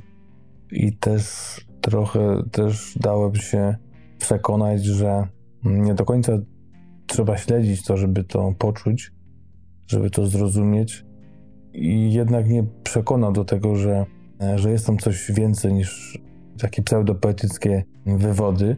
Świetne role głównych y, bohaterów, całej tak naprawdę czwórki rodziny i głównej naszej bohaterki tak naprawdę, która, która wypowiada te słowa tytularne, czyli Jessie Buckley i jej chłopak. W niego wciela się Jesse Plemons, do tego mam jeszcze Toni Collette y, w genialnej roli matki y, i jeszcze David Tullis y, w roli ojca. Cała ta czwórka gra przepięknie, y, chociaż nie do końca czasami, bardzo często, może i nawet umyślnie nie rozumiemy, o co tak naprawdę chodzi, to jednak to wszystko gdzieś tam się też spina, to za duże słowo, ale łączy tak chociaż tak paluszkami, może rączką jeszcze nie złapało za rączkę, ale to jakoś gdzieś tam mm, ląduje tak, że Hmm. po projekcji na pewno tej pierwszej było takie WDF, że tak pójdę za słynnym podcastem Marka Marona, ale co ja tam tak naprawdę zobaczyłem? Przy drugim razie już było e, lepiej, już było bardziej tak głębiej i próbowałem to właśnie poczuć bardziej niż zrozumieć i wtedy zadziałało. Chociaż nie, nie jest to film dalej, nadal bez wad i czasami ma takie uproszczenia, które, które wydaje mi się trochę nie przystoją Kaufmanowi, to jednak jest to solidne, oryginalne, mocno dzieło, które mogło chyba tylko wyjść z głowy właśnie samego Kaufmana. chociaż tak naprawdę on przerobił książkę, e, to jednak chyba zrobił to przetransponowując ją przez swoje zwoje, po prostu mózgowe i wyszło jakby to było jego, e, chociaż jest to na podstawie książki Jana Reeda, ale mówię, czysty Kaufman w Kaufmanie, chociaż tak jak kiedyś y, rozmawialiśmy z Darkiem, mówiłem, że chyba za dużo Kaufmana w Kaufmanie. I może jest to po części racja, ale dlatego też y, dziewiąte miejsce. Tak, no Kaufman, jak ktoś zna Charlie'ego, to wie, że to jest po prostu mocno osobliwy reżyser, ma kilka fajnych tytułów na koncie, ale to nie jest najłatwiejsze kino i nie zawsze do końca udane. Mój numer 9 to Baby Teeth. Jest to mocno nieznany mimo wszystko. U nas na Kanal Plus jest ten film dostępny, natomiast jest to dramat, komediodramat w zasadzie, tak jest przez filmę podawany. Za taki się go uważa, chociaż dla mnie tam, no komedii to tam strasznie za dużo nie było. Jest to film australijski, amerykański, również Shannon Murphy. No i tutaj w głównej roli mamy Eliza Scanlon, która gra dziewczynę chorą na nowotwór, która jest w trakcie leczenia, która poznaje Mosesa, w tej roli Toby Wallace, no i coraz częściej Moses zaczyna bywać u niej w domu, zacieśnia się między nimi relacja, to też jest mocno skomplikowana rzecz, bo Moses jest y, jednak y, chłopcem no, z rozbitego domu, w cudzysłowie, nie będę zdradzał za wiele, ale ma bardzo sporo swoich problemów. Mm, w dodatku mamy tutaj rodziców granej przez Scanlon, czyli Essie Davis i Bena Mendelsona. I muszę powiedzieć, że jest to jeden z najdziwniejszych filmów, jakie widziałem w tym roku i nie do końca udany. Niestety końcówka strasznie mi siada w tym filmie, ale do pewnego momentu, w zasadzie przez 3 czwarte tego filmu, jestem naprawdę w stanie kupić bardzo wiele elementów, które są dziwne. Wydaje się, że to jest troszeczkę tak, jakby ktoś napisał to już na internecie. Ten film ogląda się tak, jakbyśmy mieli na głowie szkła progresywne, to znaczy z daleka jest czym innym niż z bliska. Też często mi się tak wydaje, bo tyle jest dziwnych interakcji między tymi bohaterami, między Benem Mendelsonem, który jest psychologiem czy psychiatrą, który też ma dostęp do różnych środków, nie jest człowiekiem bardzo łatwym, jest skomplikowanym. Jego żona też cierpi na pewnego rodzaju schorzenia i to wszystko w ogóle sprawia, że ten dom się przez bardzo długi okres czasu wydaje po prostu niemożliwym. Bo jak ci ludzie w ogóle jest, są w stanie egzystować jeszcze w dodatku razem, ale jest to tak dziwne, tak długo, że w pewnym momencie po prostu się wkupuje w to i śledzę to wszystko, bo tam jest i piękna muzyka, i też e, sposób prowadzenia kamery w wielu momentach.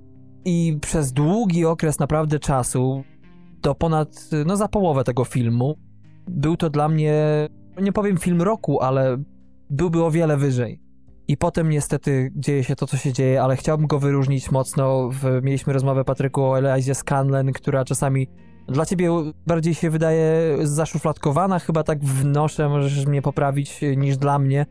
Mi tutaj robi strasznie w tym filmie, niesamowicie. Też e, widać ją, kiedy główna bohaterka nosi peruki, wtedy w ogóle zupełnie gra tę dziewczynę, można powiedzieć, prawie że z małych kobietek, czy z ostrych przedmiotów serialu.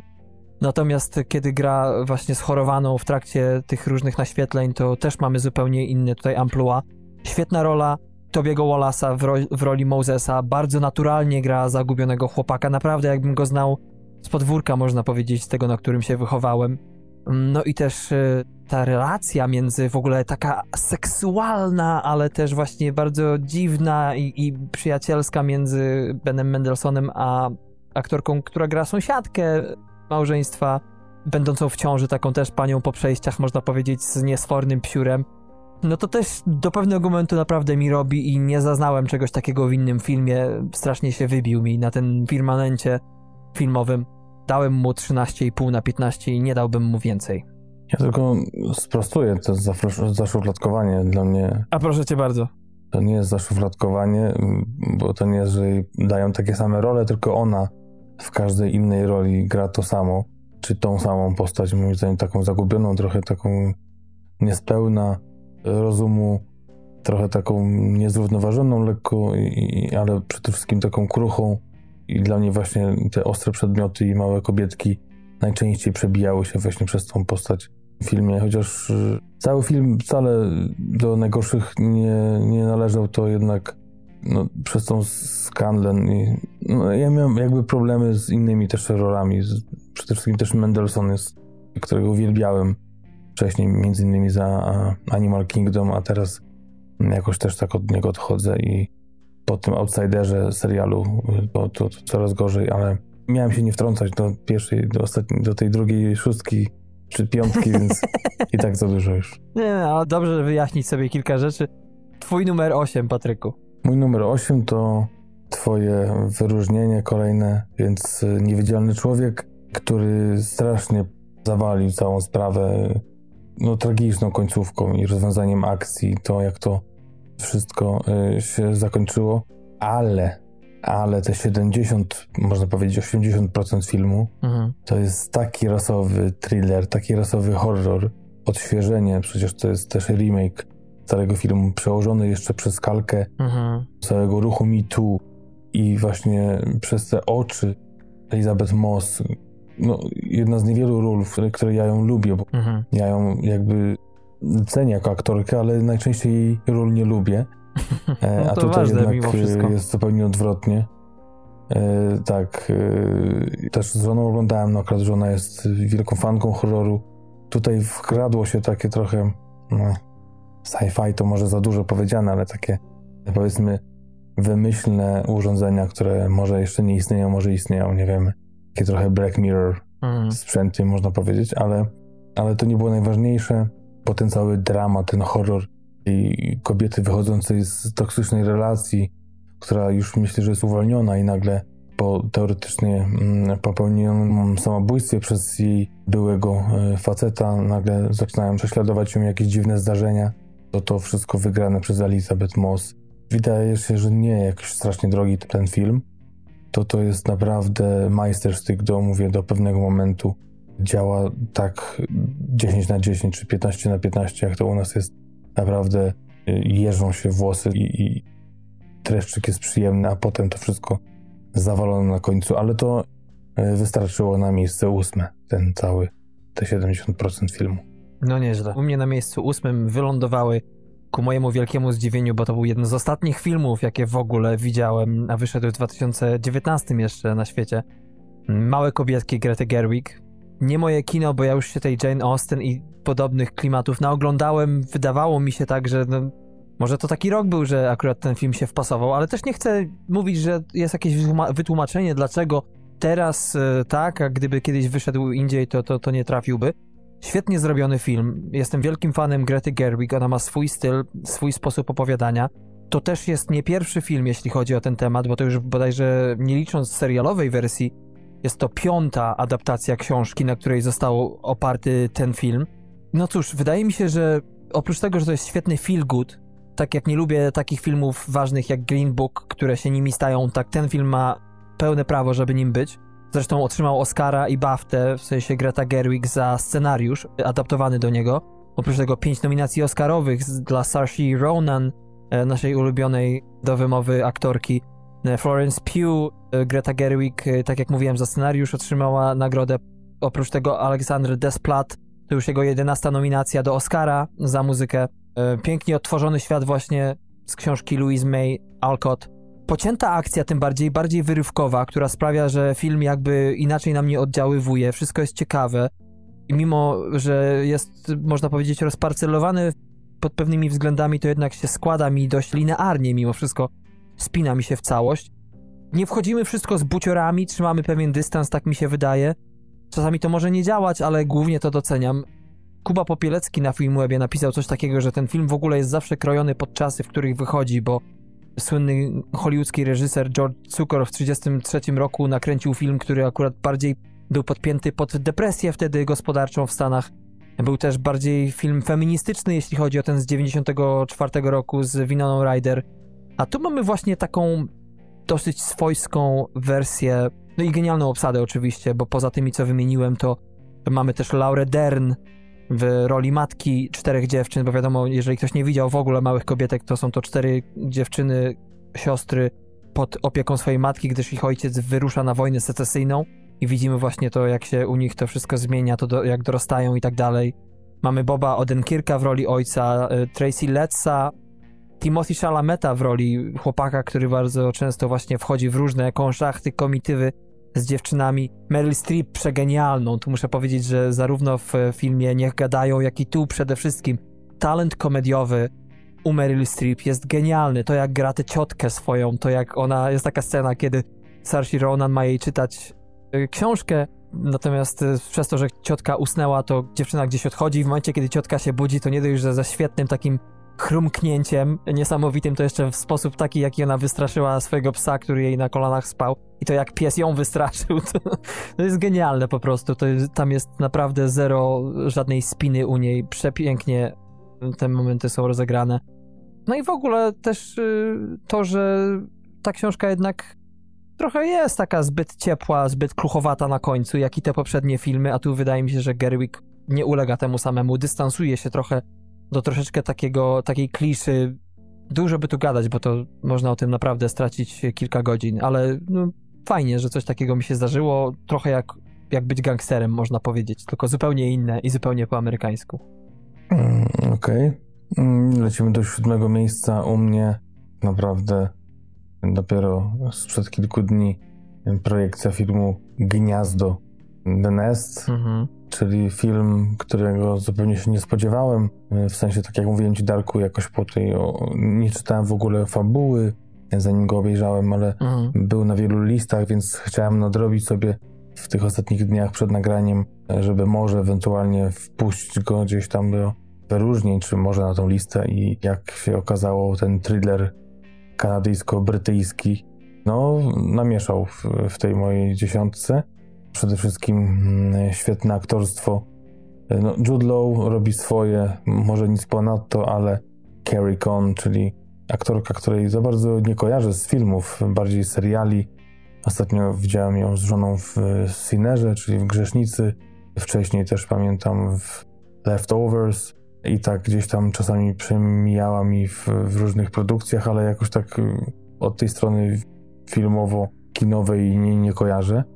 A tu się okazuje taką trochę nową, nowym wcieleniem Sharon Stone, można powiedzieć. To jest trochę Mhm. no, może tutaj trzy kropki, nie będę tam. Piękna kobieta, tak, piękna kobieta w sile wieku.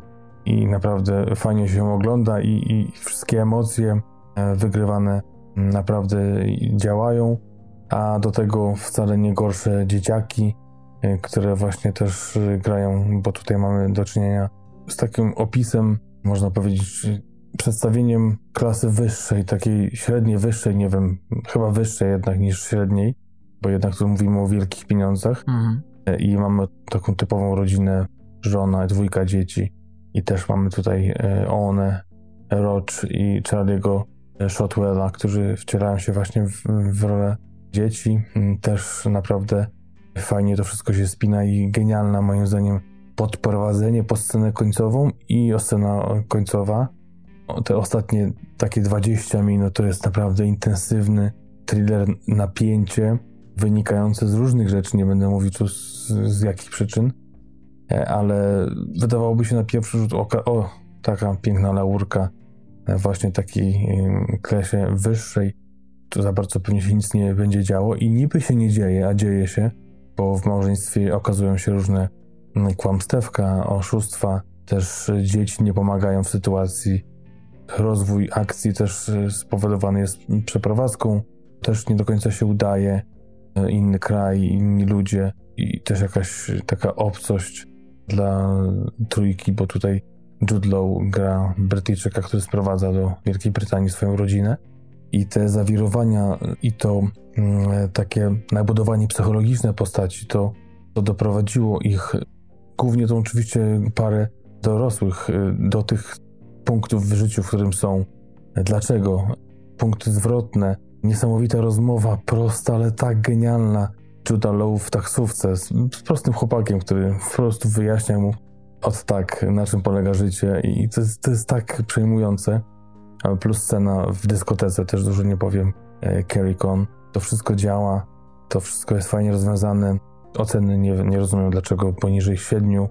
No ma jakieś tam swoje dłużyzny i w, tak, w środku zdarza się kilka klisz, które mogły być inaczej może ograne, trochę taką sztampą zaleciały, ale jakoś trzeba pokazać te postaci jakoś przez jakiś pryzmat i urywki z życia, y, które w dwóch, trzech obrazach mogą nam przedstawić, kim oni są, gdzie się poruszają, jakie to są sfery, więc może tego uniknąć się nie dało, ale no ale jakoś tam gdzieś jakiś zgrzyt był, więc nie jest to też film oczywiście bez, y, bezbłędny, osadzony na tych czterech postaciach y, i, przede wszystkim tej Karikon, która ciągnie i pokazuje jedną stronę tak naprawdę świata, którą wydaje się, że powinniśmy brnąć i mamy też tego Judah Law, który jest zupełnie przeciwieństwem, e, zupełnie inną stroną świata i w tym takim okresie pandemicznym myślę, że też dużo do myślenia daje taka, e, taki podział na różne postawy życiowe i, i też dużo, myślę, do,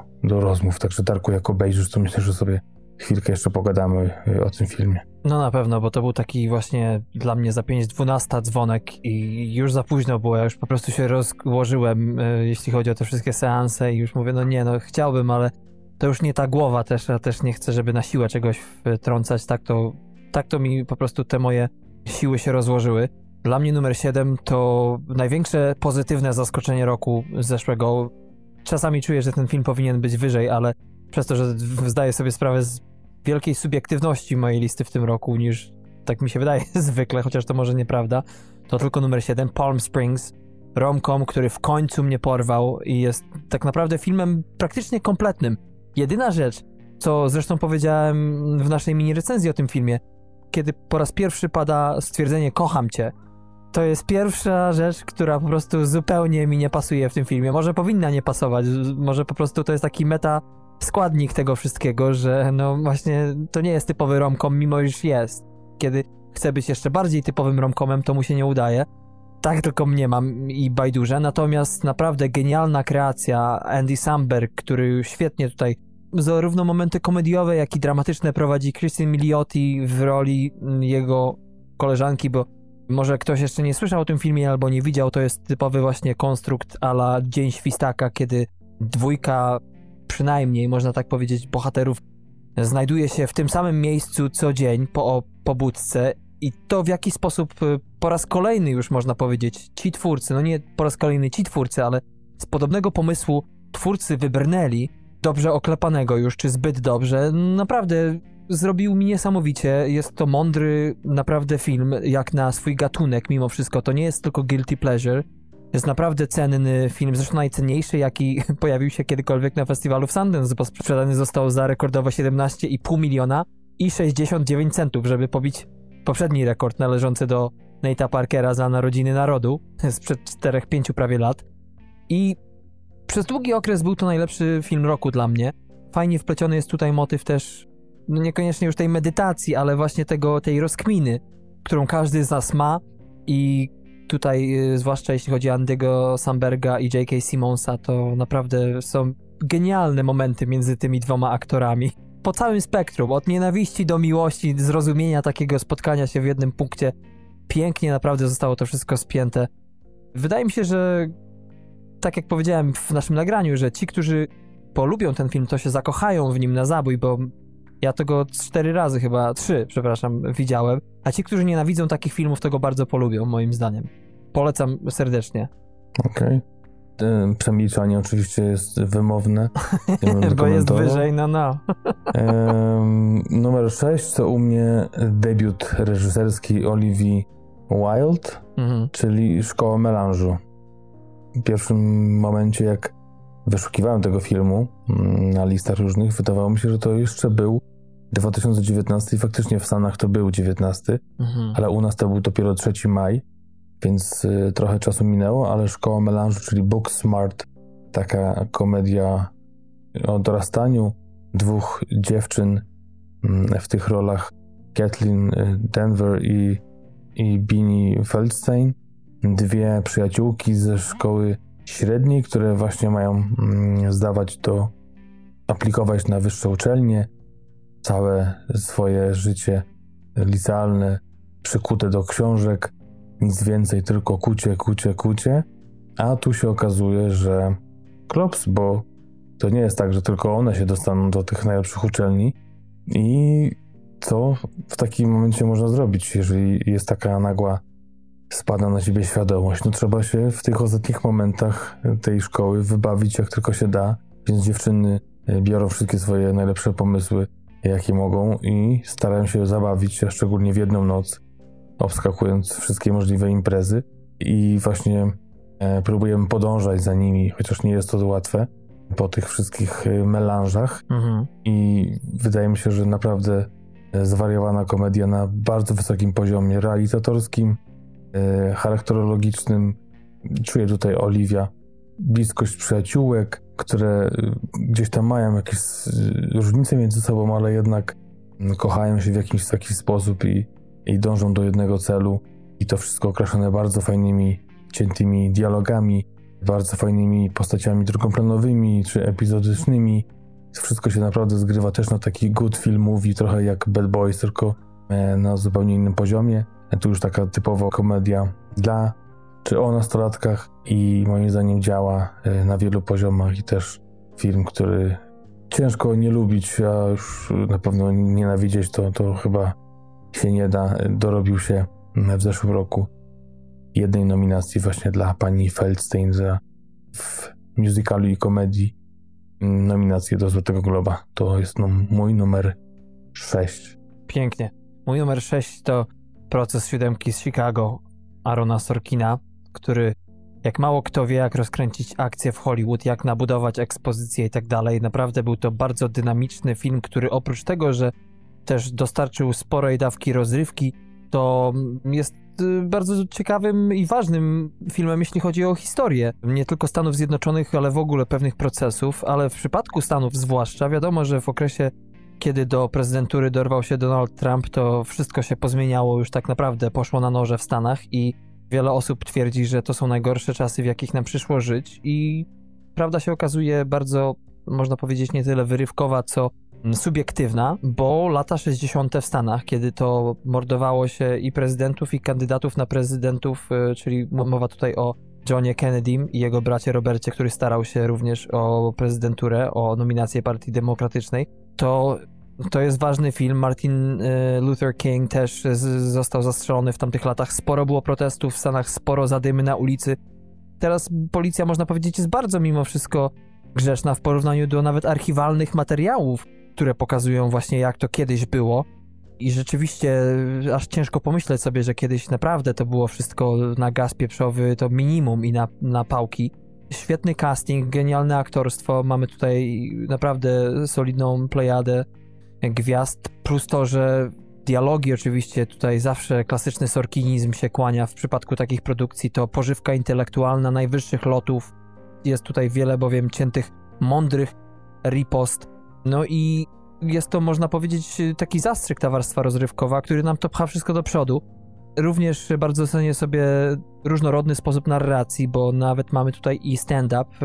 Sasha Baron Cohen gra tutaj hipisa, który właśnie wprowadza sporo tego elementu komizmu i, i od innej strony właśnie Sorkin podaje nam, co tak naprawdę się działo, jak czas mijał nie tylko na sali sądowej, ale także w przerwach między procesami, bo dodajmy, jest to klasyczny dramat sądowy, gdzie sądzi się tak naprawdę ósemkę podejrzanych o wywoływanie różnych zamieszek. Mamy tutaj trochę polityki brudnej w tym, mamy niezłą rolę Josepha Gordona Levita, jeśli chodzi o stronę rządową i tę sprawę.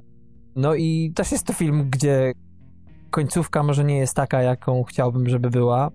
I trochę to wszystko kładzie, zwłaszcza scena z gazem pieprzowym, to dzisiaj jej nie mogę zapomnieć. Ale to jest de facto to, co się stało. Jest to wzięte z życia i robi mimo wszystko, jak się o tym pomyśli. Jest to ważny, ważny rzeczywiście aspekt historyczny. No i tylko życzę tego Aaronowi Sorkinowi, bo to jest facet naprawdę utalentowany, który coraz śmielej sobie poczyna w tej reżyserii. To jest bardziej klasyczny film z tych moich, które teraz się za chwilę zdarzą, bo za chwilę pójdziemy, można powiedzieć, prawie że bez trzymanki. Więc uprzedzam i was, i ciebie, Patryku, ale to jest ten ostatni, przedostatni taki film z, no, można powiedzieć, z tego, co my znamy, z przedcovidowego świata filmowego. No to ja dodam może dwa słowa, bo za chwilę nic nie będę mówił. Więc no, film dorobił się na, póki co pięciu nominacji do Złotych Globów. I tak właśnie Sorkin i za reżyserię, i za scenariusz. Film za dramat. Jedna z piosenek jest nominowana.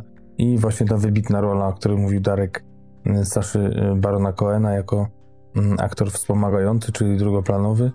Chociaż tych ról, tak jak y, gadaliśmy już wcześniej, było więcej. Michael Islands, czy, czy jego partner, między innymi Jeremy Strong, y, więc y, I nie tylko oni, bo, bo też są i, i, i niewielkie, ale jednak żeńskie role, które też warte były uwagi. Chociaż mi akurat, y, a propos, teraz przypomniałem sobie, że mówiłeś o Lewicie, e, Grodonie Lewicie, akurat on mi tam najmniej pasował, ale dla mnie też to jest takie połączenie idealne procesu sądowego, procesu, który, mm, tak jak mówisz, jest mocno na czasie, z takim filmem podszytym ironią, też ciekawym humorem, e, spojrzeniem na dzisiejsze czasy i takim e, mainstreamowym właśnie produktem, który może się podobać nie tylko tym, którzy gdzieś tam śledzą historię i gdzieś są mocno zaangażowani w, politycznie w to, co się dzieje, co się działo, mm, przede wszystkim oczywiście w Stanach Zjednoczonych, chociaż też przykładem jest antologia, czyli miniseria e, Mały Topór Steve'a McQueena, że w podobnych czasach w Anglii wcale nie było lepiej, jeśli chodzi o policję. Więc tutaj też mnie ten film porwał i jest on wyżej, dlatego mówię więcej dzisiaj zaraz o nim, bo, mm, bo za chwilę powiem mniej. Po prostu go tylko wymienię, a tutaj tylko dołączam się do ciebie, Darku, że właśnie można zrobić i to rozpisano na wielu, wielu bohaterów. Historię, która się spina, która trzyma w napięciu, która, którą podążamy, nie gubiąc wątku. To jest ten drugi film na mojej liście z Netflixa. E, za chwilę powiem na którym miejscu. E, I tyle. E, ja też strasznie fajnie się na nim bawiłem i, i dużo się dowiedziałem, więc to jest taki bawiąc, uczyć, uczyć, bawiąc, więc naprawdę kino rozrywkowe na wysokim poziomie. No to panie kolego, w takim razie przejdźmy do pierwszej piątki z zeszłego roku, jeśli chodzi o to, co się ukazało w Polsce i ciekaw jestem bardzo, co ci ją otwiera na miejscu numer 5. Na miejscu numer 5 Monos. Mm. Brawo, Jasiu. E, Monos, czyli film, który też który też wcale niedawno widziałem, bo no jakiś miesiąc temu, czy tam też chyba w tym okresie teraz, co skończył się nowy rok, mieliśmy tą przerwę, więc film Alejandro Landesa, film, który mocno no, wpływa na wyobraźnię, mocno działa na no, przeróżne zmysły, bo, bo jest też oryginalny w takiej formie tego, że pokazuje nam młodzież mieszkającą w górach w Kolumbii, taką prawiającą partyzantkę, która, no i mówimy o konkretnej jednej grupie takiego wojska, można powiedzieć, młodzieży, która przetrzymuje mm, więźnia amerykańskiego, kobietę, chcąc za nią okupu i obserwujemy właśnie perypetie e, wewnątrz tej grupy, gdzie jest oczywiście lider, gdzie lider ma swoją kobietę e, i wszyscy mm, o tym wiedzą, podporządkowują się temu albo nie. Oczywiście są jakieś tarcia w tej grupie i to, jak genialnie widzimy taką dynamikę tej grupy w zachowaniach e, poszczególnych członków, to jak świat zewnętrzny na nich wpływa, jak jakieś dyrektywy, dowódcy całego oddziału, który tylko ich raz na jakiś czas odwiedza, daje im pewne rozkazy i każe im do nich się stosować, a oczywiście życie płata figle i tak jest tutaj, że jest niesamowita tutaj walka charakterów przeróżnych, też mamy mm, genialne role, przede wszystkim jednej jakby no, dziewczyna, która gra rolę Rambo, mhm. Sofia Buenaventura, która gra chłopaka o pseudonimie Rambo, bo też mamy bardzo ciekawe tutaj pseudonimy. Mamy Boom Boom, mamy Lobo, Lady i właśnie Rambo. I jeszcze oczywiście kilka innych i to reżyser świetnie to wszystko pokazuje, jednocześnie prezentując tam bujne krajobrazy właśnie Kolumbii, tych terenów górskich. To wszystko niesamowicie mocno na mnie oddziaływało, trzymało w napięciu i, i trochę też tak e, z czasem do mnie dotarło, bo zaraz po emisji tak trochę też biłem się z myślami, co tak naprawdę zobaczyłem, jak to oceniać, ale tak naprawdę no, szybko doszedłem do tego, że, że to jednak mi się w tej głowie poukładało, jak świetny jest ten film i te 8 lat od poprzedniego, pierwszego fabularnego filmu Landesa warto było czekać, bo stworzył coś, czy można tego przyklasnąć i czekać na kolejne produkcje, bo myślę, że warto. Tak jest. Ja dodam, e, że ten film jest u mnie wyżej, ale w rejonach twoich. E, dodam tylko to, że e, właśnie ta przemoc i to w ogóle jak ten film potrafi skontrastować, bo to jest jeden z tych filmów, w których się nic nie dzieje pozornie czasami, nie? Po prostu toczy się swoim rytmem. To jest zwarta konstrukcja, ale nie w takim arystoteleskim, standardowym modus operandi, że jest początek, środek i koniec, tylko tutaj raczej to wszystko obserwujemy właśnie jakbyśmy byli biernymi obserwatorami. Y, Natomiast to, że z jednej strony mamy tutaj właśnie postawy bardzo żołnierskie, mamy tych kontrastujących właśnie, jeśli chodzi o swój wiek, z tą postawą młodych ludzi. Z drugiej strony też mamy właśnie sporo takich pięknych momentów, właśnie kiedy oni przekraczają samych siebie często. Są to młode osoby, które też chcą poszukiwać, też między nimi się rozgrywa nie tylko walka, ale i w nich samych. Jest sporo właśnie takich nieoszlifowanych też momentów, sporo epickości też z drugiej strony. Jest to niby często film cichy i nieogarnięty, jak i często z rozmachem. Te sceny, zwłaszcza strzelanin tam, nie zdradzając za wiele, bardzo mi robią, a propos właśnie takiej, wprowadzają troszeczkę takiego popkulturowego filu do tego filmu. Ale właśnie sporo jest z nim brudu, sporo piękna i non-stop siedziałem praktycznie na krawędzi siedzenia swojego, czułem wewnętrzny niepokój. Bardzo wiele z tych rzeczy właśnie odbywało się organicznie. Numer 5 u mnie natomiast to nieoszlifowane diamenty braci Safdie, komediodramat kryminalny produkcji amerykańskiej, który trafił na Netflixa i w roli głównej mamy tutaj Adama Sandlera. Oprócz tego mamy też Idinę Menzel grającą jego żonę Lakitha Stanfielda czy samego Kevina Garnetta, czyli legendę ligi NBA. I generalnie film polega na tym, że właściciel Lombardu, właśnie grany przez Adama Sandlera Howard, Howie, w pewnym momencie raz, że w ogóle popada w długi u swoich wierzycieli, ale w pewnym momencie właśnie wchodzi w posiadanie tego klejnotu bardzo, można powiedzieć, zjawiskowego i zamiast e, po prostu dać e, gangsterom, którzy do niego przychodzą, na nim zarobić, czy, czy go opchnąć, to po prostu on decyduje się na żonglerkę, decyduje się na e, zainwestowanie w swoją przyszłość. Jest to film, który naprawdę jest mocno elektryzujący, który może przeszkadzać, bo wszystko jest tutaj jakby na krawędzi. Nasz główny bohater jest non-stop przyparty do muru i tak naprawdę bardzo wychodzi ten jego stan wewnętrzny, bardzo szybko wychodzi na zewnątrz. Przynajmniej ja miałem takie odczucie jako widz i czułem, że to wszystko jest troszeczkę na kokainie e, jechane, ale jest to film, który jeżeli się załapie jego rytm, jeżeli to jest coś, co, co wam akurat usiądzie fajnie, tak jak Patryku w przypadku mówiłeś o Monosie, też ktoś w recenzji napisał, że jak człowiek będzie się w stanie w niego wtopić, to będzie to być może nawet dla niego no, film roku, na pewno zjawiskowy. Tak samo, tak przynajmniej w moim przypadku jest z tymi klejnotami. Nie ma tu za dużo czasu, wszystko się dzieje naprawdę na wielkim speedzie i na końcu, to jak końcówka jest rozwiązana w tym filmie, przez to, że ja dotrwałem do niego, do jego końca, to nie, nie było co zbierać ze mnie po prostu. Tak mnie zaszokowało to, co się dzieje rzadki film, wydaje mi się, y, który dzięki Bogu nam y, pokazuje, że jednak Adam Sandler to nie tylko jest łowca złotych malin, ale też naprawdę facet, który, tak jak ja bardzo uwielbiam jego stand-up, bo jest nietypowy i, i często właśnie taki strasznie niszowy. Trafia on do mnie, jest on bardzo oryginalnym twórcą i tu, tak jak i w filmie Noe Baumbaka pod tytułem Opowieść o rodzinie Meyerowitz, to jest, można powiedzieć, właśnie naspidowana wersja tamtego bohatera poniekąd. Tam jest bardziej on nieudacznikiem, a tutaj on nie chce się przyznać przed sobą samym i światem, że jest nieudacznikiem, tylko brnie w te swoje zagubienie i po drodze tak naprawdę no wszystko pada. Jest to taka spirala.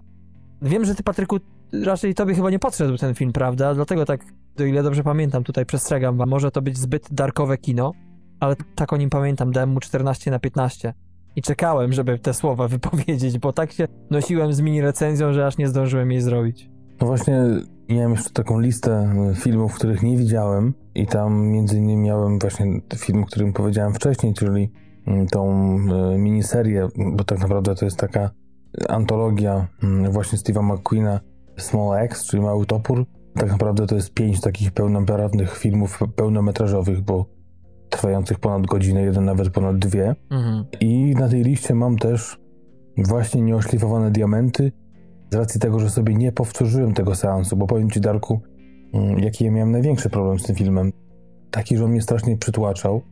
Był dla mnie mocno chaotyczny, a z czasem jak rok mijał, jak pojawiały się raz, że topki różnych czy to podcasterów, czy na różnych mm, vlogach na YouTubie, to zaczęło się pojawiać właśnie takie opinie, że on powoduje takie uczucie takiego zagubienia, chaosu, przede wszystkim takiego, jak to powiedziano w tym jednym z podcastów, takiej niewygody, braku komfortu i że jakby to jest to, co czuje główny bohater. I jakby przez to czucie, odczuwanie tego filmu wczuwamy się w jego postać. I jakby to mi najbardziej przeszkadzało. I teraz tak sobie myślę, że przez pryzmat tego, żeby to odczuwać jako dodatkowe mm, bodziec filmu, a nie jako coś, co mi wystaje i przeszkadza, to może przez to zmieniłoby mnie, moją tą ocenę, bo faktycznie e, na wielu rankingach, e, tak jak widzisz, nawet w twoim jest wysoko, e, jeżeli chodzi o ten 2020, więc to jest taka lista wstydu, że sobie go nie powtórzyłem i nie zobaczyłem go drugi raz i może nie zmieniłem zdania, ale faktycznie mnie tak trochę on przytłaczał i tym chaosem i, i dlatego jakby trochę go wyparłem nawet z pamięci i nie myślałem przez dłuższy czas. A może to właśnie straciłem coś. No, sporo w tym racji jest, dlatego mówię, to jest bardzo, bardzo subiektywny wybór mój, i, ale tego się będę trzymał. y, Numer 5 u mnie. Numer 4 u ciebie, Patryku. Może ja powiem, może, żeby nie było. Numer 4 u mnie to Monos, który u ciebie jest numerem 5. Y, U mnie numer 4 to y, film, który wydawało mi się, że wyląduje wyżej, albo i niżej, bo też miałem problemy z nim w zeszłym roku. Bardziej, że to jest film, który właśnie był, jak wiele z tej listy z 2019, y, nagradzany Oscarami i tak dalej, a jednak trafił do nas dopiero w 2020, czyli film 1917. E, czyli oczywiście arcydzieło kina wizualnego, kina e, opartego na przecudownej pracy kamery, e, na tym, że mm, widzimy po raz kolejny dowód na to, że że ciężko oddzielić reżysera i autora zdjęć i powiedzieć, że reżyser odpowiada i to jest jakby za kształt całego filmu i to jest jego film i, jego, i tylko wyłącznie, bo bez Richarda Dickinsa e, tego filmu oczywiście by nie było i jakby Mendes nie miałby tutaj czego zbierać tak naprawdę bez, bez genialnych zdjęć. Oczywiście zdobywcy Oscara za, tą, za ten film e, Dickens dostał e, jak wiele lat przepadał w tych nominacjach, czy raczej na nominacjach się kończyło, to tak teraz najpierw dostał mm, za e, Blade Runnera, e, a teraz właśnie kolejna, mm, jedna po drugiej nagroda za 1917. Film oczywiście sama Mendesa, byłego męża Kate Winslet, e, twórcy takich filmów jak na przykład Droga do zatracenia z Tomem Hanksem, Droga do szczęścia, czy też Skyfall, oczywiście przygody agenta 007. To są takie jego, mm, można powiedzieć, najsłynniejsze dzieła, e, a tutaj mamy historię wojenną, film nakręcony, no można powiedzieć trochę w cudzysłowie, sztucznie, na jednym ujęciu, e, bo jednak ta kamera gdzieś tam poza naszą świadomością e, łapie kolejne ujęcia i składa je w całość, tak żeby nam się wydawało, że to jest cały film na jednym długim właśnie pociągnięciu kamerą bez przestojów, ale jednak są sekwencje niesamowicie długie, gdzie faktycznie jest ta kamera cały czas, bez żadnego urwania. Oczywiście zapomniałem o American Beauty, to chyba raz, że jego mm, debiut kinowy to chyba najwybitniejsze jednak dzieło do tej chwili.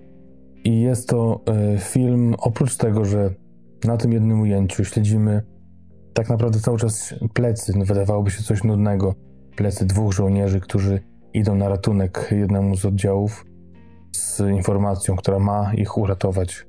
I właśnie w tym oddziale walczy brat jednego z żołnierzy, więc żwawo, nie mają dużo czasu, przebierzają kolejne okopy, kolejne tereny, żeby zbliżyć się pod osłoną nocy właśnie upragnionego oddziału i tam przekazać informację otrzymaną od Colina Ferta, samego no, oczywiście postaci granej przez niego. I tak śledzimy właśnie, tak jak mówię, ich losy.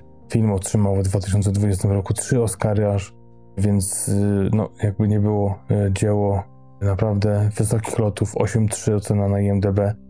To, co mi, Darku, o tym mówiliśmy y, zresztą nieraz, to, co mi bolało w tym filmie, to czasami ta braterskość, przyjaźń między dwoma bohaterami, która czasami trochę e, moim zdaniem była zachwiana. Czasami były jego poczynania niekonsekwentne, jakieś rozmowy z, ludźmi troszeczkę jakby zbędne, nic nie wnoszące, jakieś też przestoje, ale jednak przede wszystkim George McKay, bo jego śledziłem najdłużej, ale też i mm, Dean Charles Chapman. Oni razem naprawdę dają radę i to smakowite widowisko mm, estetyczne, mm, wojskowe, wybuchowe, trzymające też jednak w napięciu właśnie pomimo tego, że wydaje się, że to jest coś nudnego, ale czasami, a tym bardziej będąc w kinie, w IMAXie, e, odczuwamy razem z nimi to, co się dzieje i, i naprawdę można poczuć grozę wojny, kiedy przechodzą się okopami czy w jakichś bunkrach. E, naprawdę e, robi to ogromne wrażenie i polecam. Tak naprawdę w IMAXie to chyba jedyny dobry sposób, żeby to oglądać, więc jeżeli takie filmy będą powstawać, to, to kino nie ma się o co martwić, bo e, będą produkcje, których e, odbiór w domu będzie no, przynajmniej o 50% uboższy i ten film właśnie 1917 jest tego dowodem. Mm, jest tak jak mówię spór o to, czy tutaj tak naprawdę była jakaś linia scenariuszowa, czy, czy to nie było zbyt proste. E, no może coś w tym jest, a, na, a raczej na pewno chociaż przez to ten film nie ubożeje, też do końca nie jest to film oparty na jakiejś skomplikowanej historii, czyli taki, który powinien taką w ogóle mieć. E, chociaż no, dwa, trzy twisty mogłoby się więcej wydarzyć i, i, i byłoby tylko na plus, ale dalej ogląda się go z zapartym tchem i, i jak ktoś nie widział, chociaż pewnie niewielu takich jest, to polecam. 1917 to jest właśnie mój numer 4. Tak jest, u mnie jest ciutkę wyżej ten film i jeszcze się do niego lekko odniosę, ale rzeczywiście jest to spektakl. Jest to praktycznie jedyny film, przynajmniej w mojej top 10, który jest de facto filmowym spektaklem i tutaj się zgodzę, że pewne filmy nie muszą mieć fabuły. W ogóle nie trzeba mieć fabuły, tylko trzeba to umieć sprzedać. Ja często powtarzam to, że no nie jest tak, że ja nie lubię kina superbohaterskiego. Lubię, tylko kiedy to mnie szokuje kino w, w sensie nawet w formie serialowej, jak w przypadku pierwszego sezonu The Boys. To jest coś, co potrafi się sprzedać mi i to jest właśnie 1917, to jest, e, widziałem ten film w kinie, potem widziałem 100 razy w domu jeszcze, z teściami niedawno dwa razy obejrzałem, więc e, w domu traci oczywiście, ale i tak tyle razy, ile go obejrzałem po tym pierwszym seansie, to zrobił mi w kinie niesamowite było wrażenie i dlatego jest wyżej. Wchodzę do siebie na podium, numer 3, 15 na 15, to już jesteśmy na tym poziomie, można powiedzieć, chociaż to są umowne i bzdurne tak naprawdę czasami oceny, więc się nie przejmujcie. Mank.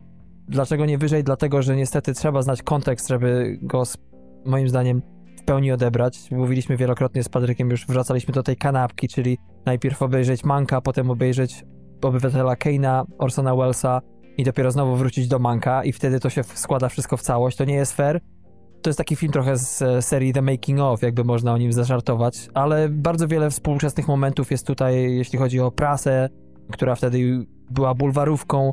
Mamy tutaj sporo ciekawych informacji na temat powstawania scenariusza właśnie, bo o tym jest film do obywatela. Choć to też nie kronika, więc to nie jest tak, że trzeba się tutaj trzymać tego jak sensacji XX wieku w cudzysłowie.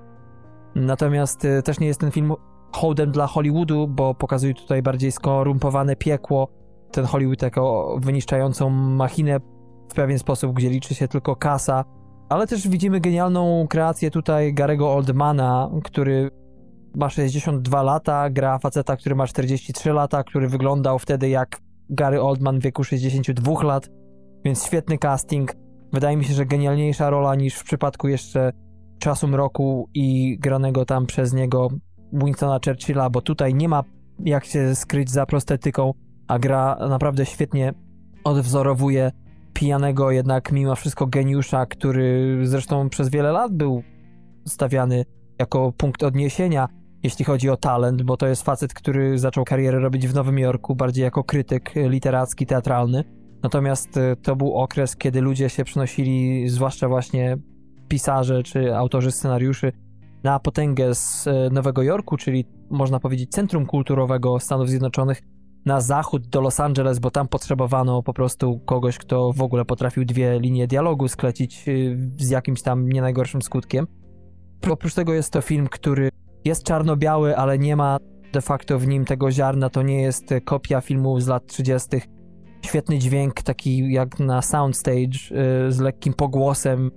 Czasami wydaje się, że tam po prostu słychać patefon i ten jego słynny szum. Naprawdę na wielu poziomach mi robił. Zwłaszcza jeśli chodzi o zagubienie, upadek głównego bohatera. To jest facet, któremu nie do końca się kibicuje, ale mimo wszystko jednak widzi się w nim człowieka. Nie do końca wszystko mi pasuje też w tym filmie, ale mimo wszystko ta satyra, cięte, inteligentne riposty, dialogi, to y, jest w tym filmie i wydaje mi się, że jest to świetny taki czarno-biały, pastelowo-linczowski film, który łączy wiele motywów, bo i też się odnosi do współczesnych czasów, tak jak siódemka z Chicago, do protestów na ulicach. Dzisiaj w czasie pandemii, tak i Mank też y, mówi o po prostu o prasie, o wolności słowa, o tym, że tak naprawdę pieniądz goni pieniądz i nadal kształtuje tak mocno naszą rzeczywistość, jak nigdy chyba wcześniej. No bo kiedyś przynajmniej ci magnaci jednak pompowali jakąś kasę albo to w kolej, albo w inne różne projekty, a dzisiaj generalnie to jest zysk dla zysku. Nie wszystkim się ten film mocno podobał, sporo było osób, które dąsały się na niego, ale akurat ja najpierw obejrzałem go, to miałem takie małe wąty, ale potem to już piętnastka skoczyła mi po drugim razie. Na pewno. I to był twój numer. Trzy. A, czyli przeskoczyliśmy też teraz ty. Bo cztery miałem monos, nie? Mhm, mhm. Okej, no ja przy trójce też za dużo nie powiem, bo już powiedziałem. Czy ty powiedziałeś, ja dopowiedziałem, czyli proces siódemki z Chicago. Tylko powtórzę, że y, kino naprawdę mądre, rozrywkowe, na wysokim poziomie, ze świetnym aktorstwem. I jakby to wszystko powtórzyłem, więc y, już wcześniej po tobie, więc nie ma co tutaj mm, dalej bić piany. Przejdę do numeru dwa, którym to jest Palm Springs film, o którym ty też już dużo powiedziałeś. Mhm. Ja tam się wtedy ugryzłem w język, no ale to też niesamowite, jak zupełnie znienacka zaskoczył i, i tą świeżością tego tematu właśnie Dnia Świstaka troszeczkę poruszonego w, no w inny sposób, ale też na komediowo. Hmm. Zresztą to chyba tylko można komediowo ten temat podjąć w Russian Doll e, na Netflixie. E, Tutaj mamy troszeczkę coś innego. Te genialne role właśnie Samberga i Miliotti, którzy jeszcze do tego mają e, J.K. Simonsa i nie tylko całą zgraję ludzi na weselu, bo to wszystko dzieje się, o tym Darek nie powiedział, e, na weselu mm, siostry właśnie głównej bohaterki i, i tam właśnie codziennie budzą się od rana, przeżywając ten sam dzień. No niby fajny, tak, bo lepsze to niż to, w jakie błota wchodził, czy w jakie y, generalnie tarapaty Bill Murray w swoim y, Dniu Świstaka. Tutaj mamy oczywiście piękną pogodę, wesołych ludzi, pięknych y, imprezy, alkohol, wszystko. No ale ile tak można żyć, tak? Ile to można przeżyć? Raz, pięć, dwadzieścia, sto czy tysiąc? Być już y, tak naprawdę podstarzałym panem mm, i dalej w tym siedzieć. I tak znajdujemy naszego głównego bohatera, który nie wiadomo tak naprawdę od kiedy tkwi i nagle wciąga e, w ten wir e, właśnie e, swoją przygodną miłość, można powiedzieć, danego wieczora, e, jednego z wielu mm, i razem próbują potem wyjść z tego do e, rzeczywistości, do, do zwykłej linii czasowej, mm, którą posługuje się przeciętny Kowalski, czy też e, przeciętna pani Smith. Więc to porywa humorem, lekkością gry. Ja widziałem go tylko dwa razy, ale to tylko dlatego, że żona się nie dała namówić, więc gdzieś tam pokątnie sam oglądam. Mam, mam nadzieję, że w końcu po prostu zrobię jakieś... e, zamedytuję ją przed ekranem, posadzę, bo 10 minut i, i odpuszcza. Nie wiem dlaczego, bo dla mnie to jest tak, jak powiedziałeś, Darku. W pewnym momencie to był twój film roku. Mhm. U mnie prawie jest e, i to jest coś, co polecam, przekazuję dalej od, od gdzieś mniej więcej połowy roku i głoszę, że to jest jedna z najwybitniejszych komedii ostatnich lat. Lekka, mm, bez żadnej spiny, bez nadęcia, bez y, też e, żadnego cringe'u, bez żenady. Naprawdę rzadko się zdarza. A tutaj mamy właśnie przygodę, którą się niesamowicie ogląda. Dwie nominacje e, do Złotych Globów. Film e, Maxa Barbakowa. Polecam, bo e, jest co oglądać. To jest mój numer dwa. Mój numer dwa natomiast łączy się oczywiście ze wszystkim, co powiedziałeś. Dodam jeszcze, że to jest bardzo mądry film Palm Springs. Że właśnie ten aspekt rozkminy naprawdę jest chyba tym właśnie niespodziewanym aspektem tego, że to tak wszystko mi weszło ładnie i pięknie, bo zaspokoił bardzo wiele rzeczy. Nie tylko był to miły dla oka i ucha film, ale też i dla mózgownicy pod wieloma względami. Mój numer dwa, nie będę się tutaj nad nim pastwił, bo to 1917. Tak jak powiedziałem, wielki spektakl.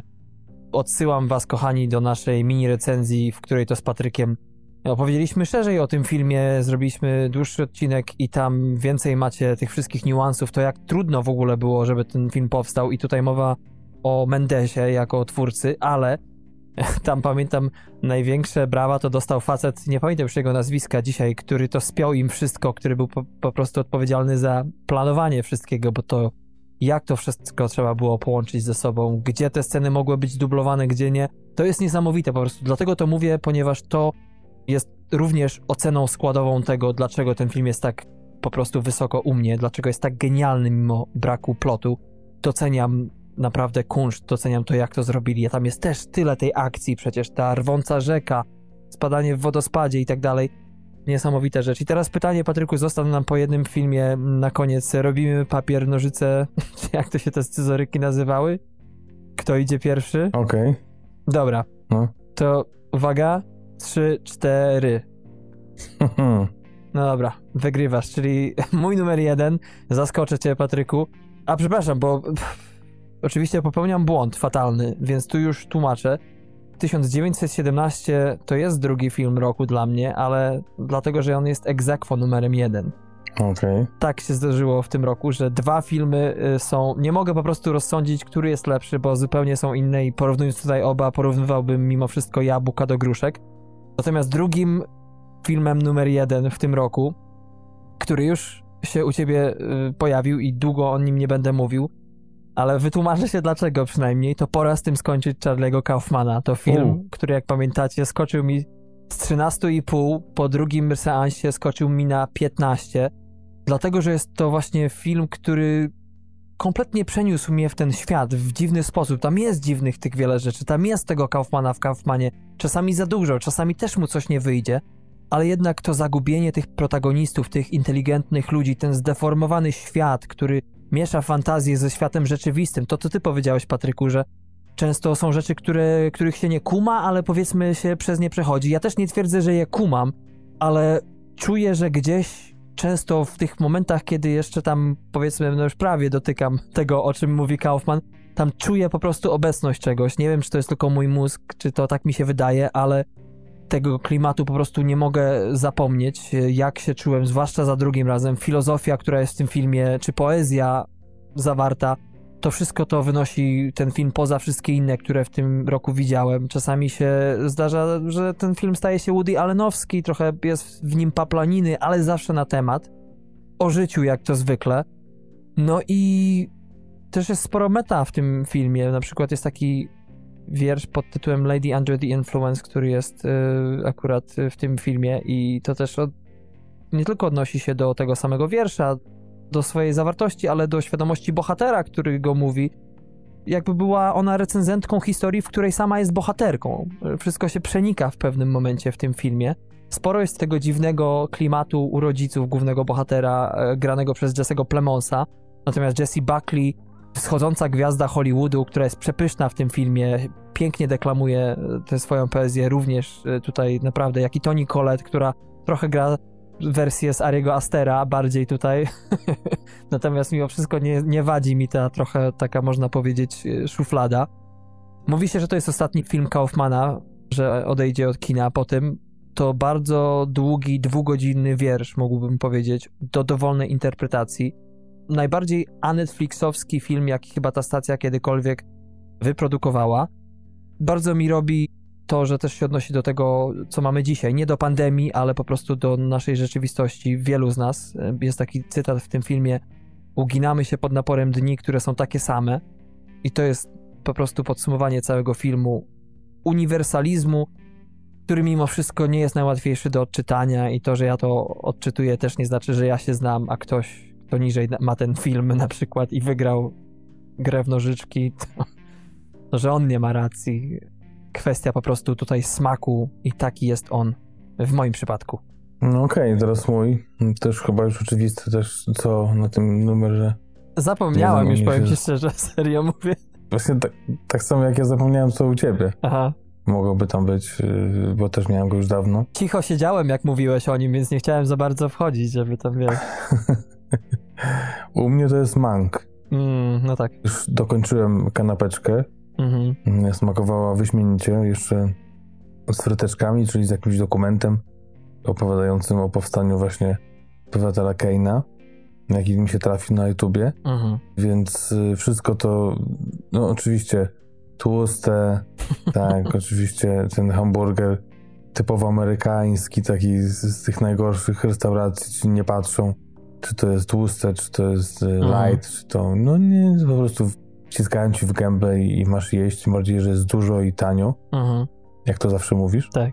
I oprócz tego mamy oczywiście to całe Hollywood, więc na pewno, tak jak Kaufman jest nie dla każdego, tak ten film, jak Fincher jest najczęściej dla każdego, to kiedy wziął się za scenariusz napisany przez swojego ojca, Jacka Finchera, zmarłego, Mhm. to zrobił coś też zupełnie na przekór e, swoim emploi i z czego jest na, najbardziej znany, mm, ale zrobił za to świetną biografię opartą na tak genialnych mm, one-linerach, na tak genialnych w ogóle dialogach, że no, wyłapać je to po prostu siedzieć tylko z notesem i, i, i można potem e, błyszczeć w towarzystwie niejednym Mhm. do dziś. Więc no, to bogactwo właśnie słownictwa, ta, ta wybitna rola Oldmana, ta niesamowita Amanda Seyfried, to po prostu też jakieś odkrycie. Przecież też aktorka bardzo znana, tylko bardziej Mhm. serialowo i z takich filmów dość lekkich, można powiedzieć też, tak jak już to powiedziałem w naszej recenzji, że ona gra takie role, jak grałaby pewnie i grała w tych e, latach swojej świetności postać, którą ona odgrywała.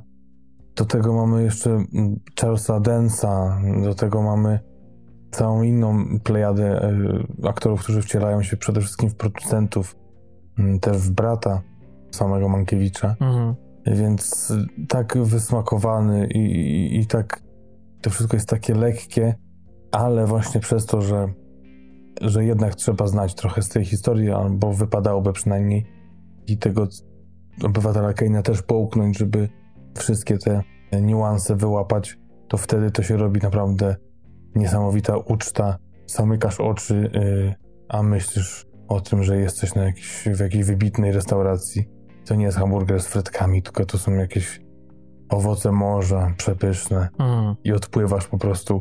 E, ale to może to trzeba być takim maniakiem kina, może to trzeba być maniakiem historii Hollywood i w ogóle kochać cały Hollywood. Ja nie mówię, że kocham, ale na pewno cenię za większość produkcji. Nie jestem jakiś antyhollywoodzki, chociaż widzę te wady i tak samo jak w tym filmie, Mhm. czasami jakieś dłużyzny, ale jednak no, on mi zrobił od początku. Siedziałem z uśmiechniętą gębą, czekając na kolejny tekst. Jeden z moich ulubionych to jest, Darku, już ci też mówiłem, kiedy siedzi Mhm. scenotypistka topless, Tak, tak. po czym Mankiewicz patrząc na nią mówi jak ja bym chciał zobaczyć to ubrane w obcisły sweterek. Po prostu tak anty, wydawałoby się macho sformułowanie i podsumowuje cały ten Mhm. film na Netflixie dostępny, więc no, jak żaden numer jeden chyba na wyciągnięcie ręki, a tym bardziej na obu naszych listach są produkcje Netflixa na pierwszych miejscach, więc to też chyba o czym świadczy. Nie wiem, czy o na słabym guście, czy To na pewno. o czym innym, ale e, na pewno o mocnym subiektywizmie, ale jeżeli chcecie spróbować tych naszych numerów jeden, to bardzo proste, bo to teraz jeżeli ktoś nie ma Netflixa, to wypożycza hasło od kogoś innego, tak się e, zdarza, e, chociaż nie wiem, czy to legalne. Tak, tak zwany fun sharing. tak jest. Także na Netflixie Mank i może pora z tym skończyć e, dostępne od ręki. Zapraszamy i to jest to. To jest moje top 10. Tak jest. Ja tylko chcę dodać a propos właśnie Manka i obywatela Keina, że bardzo sporo ujęć w Manku jest e, nie tyle nowatorskich, broń Boże, bo to nie jest film akcji, ale jest naprawdę fajnie poprowadzona kamera i ktoś, kto nie widział obywatela Keina, a ten film ma już swoje lata, bo to lata 40, o ile dobrze pamiętam, to dziwi się oglądając tamten film, jak w nowoczesny sposób kamera była właśnie prowadzona w obywatelu Keinie. I to się właśnie dubluje tutaj, te dwa filmy dublują zarówno w tym zakresie, jak i czasami mm, mam wrażenie, że główna postać, czyli Herman Mankiewicz, on mówi, czy jest gadka ogólnie o właśnie o Citizen Kane, natomiast ona się w równym stopniu odnosi do tego, co widzimy na ekranie, akurat w tej fabule, która nam jest podana w wielu momentach. I to jest e, właśnie taki dodatkowy smaczek. Być może nie dla wszystkich tutaj trzeba troszeczkę wykonać tę pracę, ale ktoś, kto jest kinomaniakiem pełną gębą, to naprawdę, tak jak Patryk powiedział, zostanie wam to wynagrodzone z nawiązką. Nie wiem, Patryku, czy coś chcesz jeszcze dodać, czy grzecznie żegnamy się z naszą watachą i... No tak, nie ma co tu się za bardzo rozwijać, także i tak odcinek jak zwykle przydługi przy takich podsumowaniach Chociaż y, z tego, co było widać w zeszłym roku, to chyba najczęściej słuchane były, przynajmniej z tego początku. Tak, tak. Więc chyba lubicie takie nasze podsumowania zawsze na spóźnieni na ostatnią lekcję w tygodniu, bo już dawno wszyscy oddali pracę i to jeszcze przed 1 stycznia, Aha. a my także zawsze się ociągamy, ale no chcemy jakoś tam te listy podociągać i po, dooglądać, jak się nie dało, więc robimy sobie te wolne przez to. Sześć nominacji do Złotych Globów pewnie podobnie będzie na Oscarach to jest wynik e, Mankiewicza, Manka, mhm. E, między innymi za scenariusz dla zmarłego ojca. No i tyle chyba e, od nas dziś. Dziękujemy jeszcze raz za głosowanie w plebiscycie na podcastera roku. No, byliśmy mocno zaskoczeni. Jeszcze raz dziękujemy, było naprawdę miło.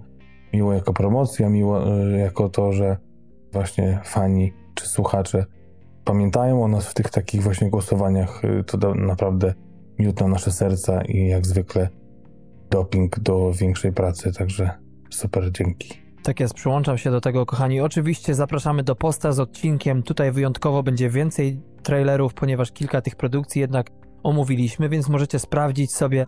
No, oczywiście bardzo wiele tytułów z dzisiejszych jest także ukazało się, jeśli chodzi o mini recenzje bezspoilerowe e, wcześniej w naszych audycjach. No i to tyle. E, oczywiście strona internetowa to www.tmfpodcast.com. Na Instagramie i Facebooku jesteśmy dostępni pod aliasem TMF Podcast pisane razem, a na Twitterze TMF Dolny podkreślnik podcast. Oczywiście YouTube, oczywiście Lekton, oczywiście Empik Go, Spotify i wszelkie inne aplikacje, czy to na Androidy, czy to na systemy iOS. Wszędzie tam dostępny jest transkontynentalny magazyn filmowy, zawsze do Waszych usług. Zapraszamy na kolejne odcinki. Dziękujemy za dzisiejszy. To tyle z naszej strony. Tak jest. Fajnie jest wrócić znowu na Ether. Trochę dziwnie, ale to zaraz minie, bo to już nie pierwszy rok działalności. Ja ze swojej strony również dziękuję za uwagę Wam, kochani Patryku. Dziękuję za ostatnie kilka godzin spędzonych, e, jak to zwykle bywa, na mieleniu jęzorem. Trzymajcie się. Do usłyszenia. Pa, pa. Cześć.